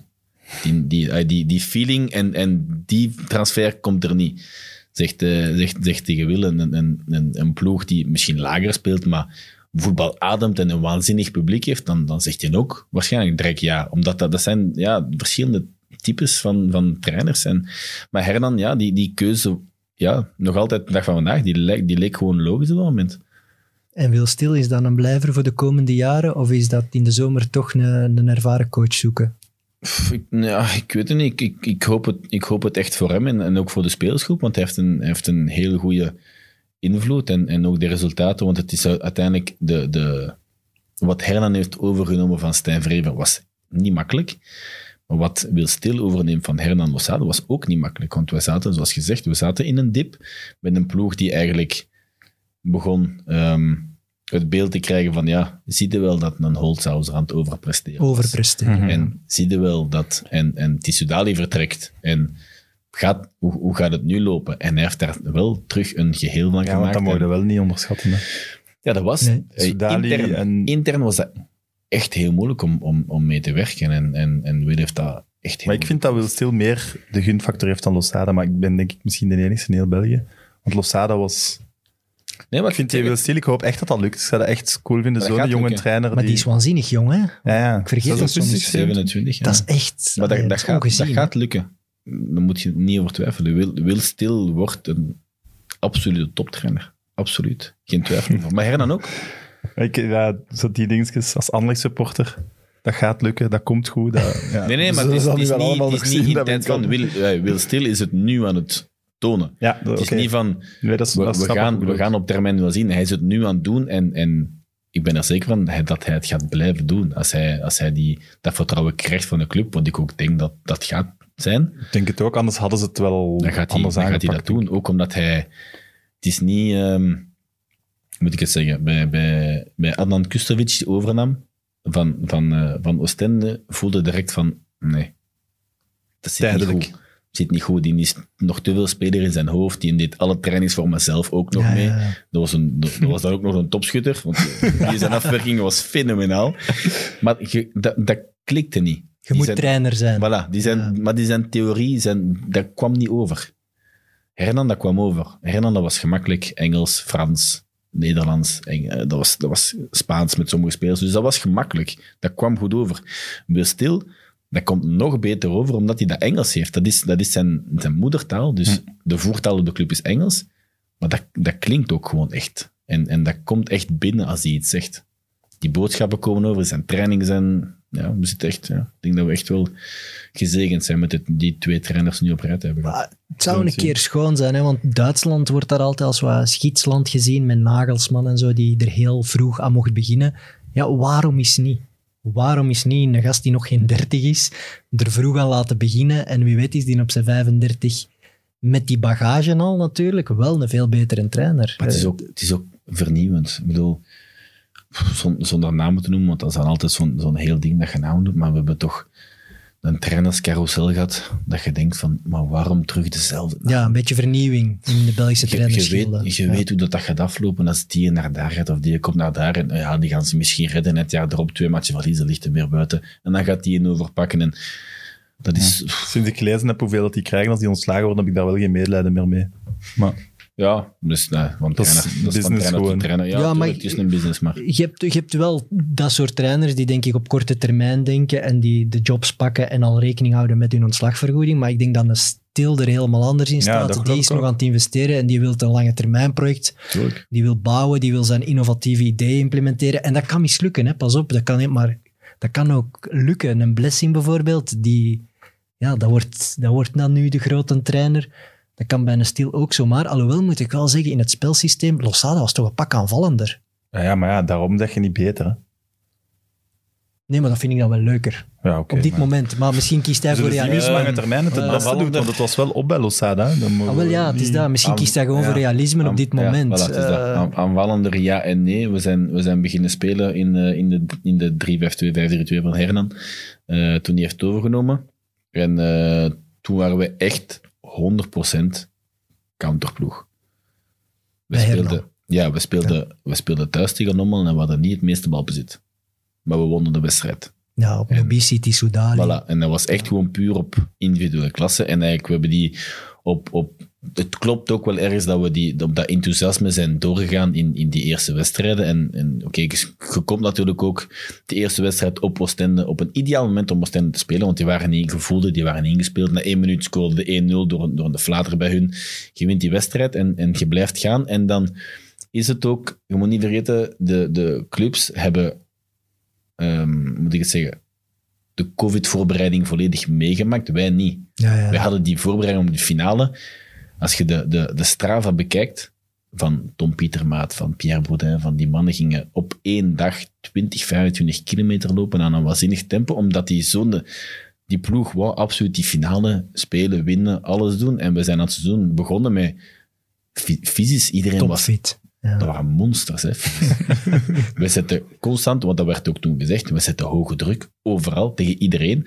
En die ploegen, ja, die waren nog op het einde van hun voorbereiding. Dus we waren... En op een gegeven moment was dat op. Je kon die druk niet blijven zetten en, en dan ging het ten koste van. En een, en een Tarek Tissoudali, die bij ons fenomenaal speelt in ons seizoen, hè, daar niet van, maar die gaat dan zijn meters beginnen tellen. Ehm, en je hebt dan natuurlijk al het type Rafa die eerder het aanvallende geneigd is dan het verdedigende. En als je dan 1, 2, 3 spelers gaat krijgen die misschien niet bewust of met een bedoeling van de ploeg te, te kelderen, maar die minder gaan verdedigen, ja, dan weet je dat ze het Beerschot zijnde op een normaalzelfde niveau fysisch heb je geen, geen overschot. En dan krijg je natuurlijk het systeem Hernan met constant hoge druk. Dat ging niet meer. Elke ploeg speelde daar onderuit. En je zat constant in counters te spelen. En dan, ja, dan krijg je een Kortrijk 5-5. En, eh, en, en, op, en op Gent gingen we hoge druk aan zetten 5-1. Ja, dan krijg je zo'n wedstrijd. En dan wordt er natuurlijk naar de verdediging gekeken. Terwijl dat het probleem eigenlijk globaal lag. Want daar hebben we nooit een, onder Hernan nooit een antwoord op gevonden. En dat antwoord heeft Wil Stil dan weer gevonden.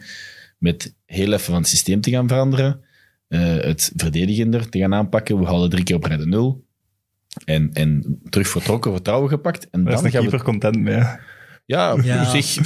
Ik heb, ik Oké, heb het al, ik heb het al Lege, stadions Ja. nu, maar Beerschot-fans willen wel fantasierijk voetbal. Tuurlijk, ja, dat, snap ik, dat snap ik Lozano. volledig. Maar ik, Maar dat ik, komt ik ook. Die zeiden, waren gewoon fysiek wat, wat Ja, ja, het was, was wat op. En dan vind ik het logisch dat je dat eerder gaat doen. En je merkt het ook nu, het komt er toch wel terug wat door. Tuurlijk. Ja, en ze gaan, ze gaan daar moeten van de zomer het Tissoudali moeten vervangen. Hè. Dat is ook Ja. gewoon zo. Hè. Moet je niet vergeten, als je de twee ploegen vergelijkt, Tissoudali, maar ook de eerste vijf wedstrijden, was, was Nobisi waanzinnig sterk. Ja. En die hebben we nu niet. Dus ah ja, Moussa Suzuki kwam binnen en, en die een goede binnenkomer, twee, drie goals op zijn eerste vijf, zes matchen, denk ik. Dus alles zat ook wel een beetje mee op dat moment. En, en nu is het, ah ja, in, in de december-januari-periode was het echt wel kijken naar Rafa van, ja, doe iets. Breng het. Alsjeblieft. doe Ja, iets. doe iets, breng het. Schilder het hem op de kop, want ja, we hebben het echt wel nodig. En, en dan is het wel een zegen geweest dat we compacter zijn gaan spelen en, en dat we ook. terug vertrouwen hebben gepakt. Ik ben ook een hele grote fan van, fan van Sanyang. hè. Bij Lommel was ik er echt waanzinnige fan van. En die blijft ook nog wat hangen. Dus misschien dat die volgend jaar wel pats Ja, ontploffen. we moeten zien wat hij er volgend jaar bij is, omdat die is, die is gehuurd. Hè. Ah, ja, en Dus, die is eh, met Gambia ja. nu naar de Afrika Cup. Allee, dus eh, die, Dat komt, is waanzinnig goed. die heeft daar die- een week eh, gefeest, vrees ik wel. Ja, terecht ook. Hè. Heb je hem al gezien? Nee, nee, nee, is nog niet. Hij is nog niet geland, wie weet. Blijft hem dan nog drie hij Ik denk weken. dat hij gisteren of vandaag nog Ah, dan. hij is al in het land. Geen idee. Goed, bedankt voor het komen. Geen Ik heb geen vragen meer. Nee? Wilde jij nog iets zeggen met je t-shirt? Ja, waarschijnlijk. Ehm, nee, dat was eigenlijk, heb ik dat gedaan voor de Noorse voetbalbond, de Noorse ploegen en de Noorse spelers te steunen, omdat zij het eerste land waren dat eigenlijk de handschoen heeft opgenomen om te zeggen van kijk, wat daar, de FIFA, die toewijzing aan Qatar, we moeten daar toch wel eens de nadruk op gaan leggen van wat daar allemaal aan het gebeuren is, dat dat echt niet door de beugel kan. En de Nooren kwamen met dit statement. Dus ik dacht, omdat Lees eens voor, want voor de podcast. human rights on and off the pitch. Maar het gaat niet over die t-shirt, dat is mottig. Dat is, op zich, dat statement is ook niet heel sterk, maar ze waren eerst. En ze hebben gezegd, kijk, wij durven ervoor te gaan om een statement te maken. En nadien zijn er heel veel landen gevolgd. Met zwakke statements, sommigen met goede statements, maar zij hebben het in gang gezet. En Solbekke, de trainer van Noorwegen, heeft ook 90 minuten lang met die t-shirt langs de zijlijn gestaan. Dus die heeft eigenlijk gezegd, fuck you FIFA, je mocht me schorsen zoveel als dat je wilt, maar ik wil dat statement nu maken. En Is hem geschorst? nee, want ze, nu kunnen ze niet meer. De ja. Rode Duivels doen het, Nederland doet het, Duitsland heeft het gedaan. Dus, maar de Noren zijn begonnen en dat vind ik wel chic. Ja, ook wel in, in een andere versie, vind ik. In een softere versie. Ook omdat de, de ploegen, nu België gisteren en zo. Het is eerder in de zin van, eh, kijk, we hebben het ook gedaan. nu moeten anderen volgen. Noorwegen gezegd van, kijk, dit is wat wij denken. Ja. Het is ook nog niet zeker dat ze gaan spelen, hè? toch? Noorwegen? Nee, de, de stemming van de clubs. Hè. Als ze zich kwalificeren, mogen de clubs, de Noorse clubs, beslissen of ze gaan of niet. Maar wat Mike ook eigenlijk misschien aan, ik zal ik het dan zeggen, want ik wil niet voor hem spreken, maar de Belgische Voetbalbond heeft tegen Wit-Rusland een statement willen maken, maar het was flauw. En ik denk dat de voetbalspelers, gelijk, ik denk maar aan Jan Vertongen en zo, heel graag, maar al te graag zouden willen meestappen in een sterker signaal. Maar dan moet de voetbalbond, denk ik, de eerste stap zetten en te zeggen, whatever jullie willen zeggen, wij steunen jullie. Wij gaan jullie niet afvallen achteraf. Wij gaan jullie ook niet bij sponsors of bij de FIFA uh, zwakker maken. Nee, wij steunen wat jullie willen zeggen. En ik denk dat we dan pas sterkere statements gaan Ik weet niet of dat we altijd naar de, naar de spelers... Zij zijn de enigen die die het, het, het, internationale gezag en faam hebben om iets te zeggen zonder repercussies. de spelers moeten dat altijd allemaal ja, maar het zijn, het zijn uiteindelijk Nee, nee, ze moeten het, niet oplossen. Hè, maar... Van, van, een, van een land, van een club, van een, het zijn uiteindelijk de, de spelers. Maar, Als u bellen, Kasteels is uit, Mignolet is uit, uh, Van Krombergen is echt nog uit. Dan moet dan denk ik nog een paar afvallen. ja, oké, ze vallen allemaal af. Maar ik zeg niet dat ze... Graag of niet? Gaat het toch niet weigeren, Qatar? nee, natuurlijk niet. Voilà. Ik zeg ook niet dat ze niet moeten gaan. Ja, de selectie om te gaan naar het WK dan. Ja, als, als de selectie gaat, dan, dan gaat je mee. Maar ik zou ook wel 100% steunen als ze niet gaan. Ik zeg ook niet, kijk, want de spelers ja, die moeten, die moeten spelen waar de FIFA het beslist heeft. Want die willen een WK winnen, die spelers. En dat kun je niet afnemen. Maar je moet wel druk zetten op de toewijzing en wat het organisatiecomité. Het is al bewezen dat het ermee doet. Dus daar, vanaf dan... daar moet je wel met je, met je vinger op leggen. En ik denk dat die spelers dat wel straffer willen doen, maar omdat ze, ze worden tegengehouden, omdat ze zich niet gesteund voelen. Dus de steun moet er komen vanuit de federaties van jongens, kom, we gaan straffere statements maken. Ik denk dat je dat heel erg romantiseert. Ik denk dat er zeker spelers zijn die zo zullen denken, maar ik denk dat er ook wel zijn ik denk, denk, dat, denk dat er in, in de twee kampen zeker veel spelers te vinden zijn van, van zeker het willen aankaarten. Um, maar dat er ook wel spelers zijn die zoiets zeggen van ja, dat is, dat is eigenlijk voor mij de ver van mijn bedshow. Ja. Dat zou ik zeer spijtig vinden. Ja, nee, maar uiteindelijk in, in, in de wereld van vandaag heeft iedereen zijn eigen mening en sommigen zijn met die zaken bezig, sommigen niet. Ja, en het zou eigenlijk niet mogen dat je er niet mee bezig bent. Er sterven mensen voor het bouwen van voetbalstadions. Dan, dan, dan, dan moet u als speler ook aangrijpen. Ja, als, als, dat is, dan gaat het niet over spelers zijn, maar gewoon over mensen. Ja, mij ook. klopt. Maar ik zit hier met die t-shirt, dat maakt geen verschil. Maar, maar als, als, okay, jij, als, als op een toch spelen op Qatar, zeggen... in Qatar, jij maakt een statement, jij doet een live Twitter-show, gewoon met de t-shirt aan en je kijkt naar geen enkele match. geen minuut. Nee, nee, ja, nee, je moet als statement, dan moet jij dat ook kunnen zeggen als fan, ik kijk niet. Dat is dan het statement dat de fan kan doen, dat ga jij ook niet doen. Ik, ja, nee, dus dan moet de speler ook niet gaan zeggen, ik ga niet, of kijk, dat is niet aan hun. Maar ik ben ermee bezig. En dat is al stap één. Ik ben, aan eh, ik ben ermee bezig van hoe kan ik daarin. Het is gemakkelijker voor u dan voor een speler. Ah, wel ja, maar dat weet ik. Dus wij moeten hun allemaal steunen. Okay. Dat ze zich gesteund voelen om dat statement te kunnen maken als groot gezicht. Ik zal u via WhatsApp op de hoogte houden van de ik kan, ik, kan, ik weet niet of je de, de, de statement van Joshua Kimmich ja? hebt gezien, die, die eigenlijk wel voor mij de nagel op de kop slaagt en zegt van ja, dit statement moet er komen, maar het is eigenlijk te laat. Ja, maar ik snap ook niet, dat is al een jaar geleden gebleken dat omkoping was. En dat, dat, allee, dat is van, van beide van, zwart op wit bewijzen, ja, kreeg dat al meer dan een jaar geleden. En nu... Ah, wel, maar nu de Noren zijn begonnen en nu kruipt iedereen op de kaart. Het is niet omdat we te laat zijn dat we het niet moeten doen, vind nee, nee, oké. Okay, moeten En veel mensen stuurden mij dan van, ja, maar ja, Evert, je moet ook eh, rond de kerktoren, jij hebt een omkopingsschandaal gehad in uw club bij KV Mechelen. We hebben propere handen met zwart geld bij de voetbalmakelaar. Ja, maar het is niet omdat het één, dat moeten we ook aanpakken, dat we het ander niet mogen aankaarten. We moeten het gewoon allemaal aanpakken. Ja, maar het ene, het ene gaat over valspelen en het andere gaat over mensenlevens. Dus daar is nog altijd wel een nuance tussen. Maar het is, ja, omdat het al zo ver zit, ik kan nu misschien iets heel raar zeggen, maar omdat het al zo ver zit, is misschien nu ook wel nog, nog eens een slap in de face. Die, er zijn al mensen gestorven om het daar dan niet eens te gaan spelen ja, ja, dat, is wel allee, luguber. Ja, heel luguber, sowieso. maar ja, het is, dan is het wel... Ja, de volledige organisatie. Ik ga niet zeggen, ze zijn voor iets gestorven. Dat absoluut niet, maar het is al te ver gewoon. Het, ook eh, Al Jazeera is, is de grote nieuwszender in het Midden-Oosten en Afrika, is van Qatarese eigenaars. Die pakken uit met een quote van Martinez om het eigenlijk goed te praten. Omdat Martinez op zijn persconferentie eigenlijk vrij in het midden blijft. Hè, dat, hij, dat hij niet voor een boycott en zo is. Die Qatarezen pakken daar dan mee uit om het goed te praten. Dan moet u wel de vraag stellen als Belgische voetbalbond van oeh, wacht, hebben, we, hebben we wel de juiste boodschap uitgestuurd als ze dat daar zo kunnen gaan gebruiken? Nee, hè, dat hebben we niet. Hè. Dus daar moet echt dringend over nagedacht worden. En dat t-shirt van gisteren was niet genoeg. Je hebt ook maar gewoon een t-shirtje aan. maar goed, eh, we gaan positieve noot eindigen. We hebben een We leuke hebben wel giveaway. een leuke Ik vind t-shirt dat wel echt een leuke t-shirt. Zo casual voetbal dingen, ik vind dat vet. Ik vind het heel mooi, ook, ook het detail in de nek. Vind ik Maar wilde jij dat zelf signeren? Ik ga dat signeren, zeker. Ik Perfect. ging, ik ging juist zeggen, je kunt dat meepakken naar de eerstvolgende wedstrijd in de zomer, hopelijk, van Beerschot. Nieuwe supporters altijd welkom. Ik ga dat niet doen, maar eh, we gaan dat zeker wel eh, verloten. En jullie moeten daarvoor onze Instagram-pagina in de gaten houden, MidMid Podcast. Goed? Ik pak dat kussen mee. Dan, dat krijgen we niet, denk ik. Zeker wel. Maar komt je nog eens terug? Op uitnodiging, zeker. Voilà. De WK-show in Qatar. Zonder beeld. Met de rug naar het scherm. Ik in de mic. Kijk. Goed aan de kijkers en luisteraars. Tot volgende week. Mit Mit, de voetbalpodcast van Friends of Sports.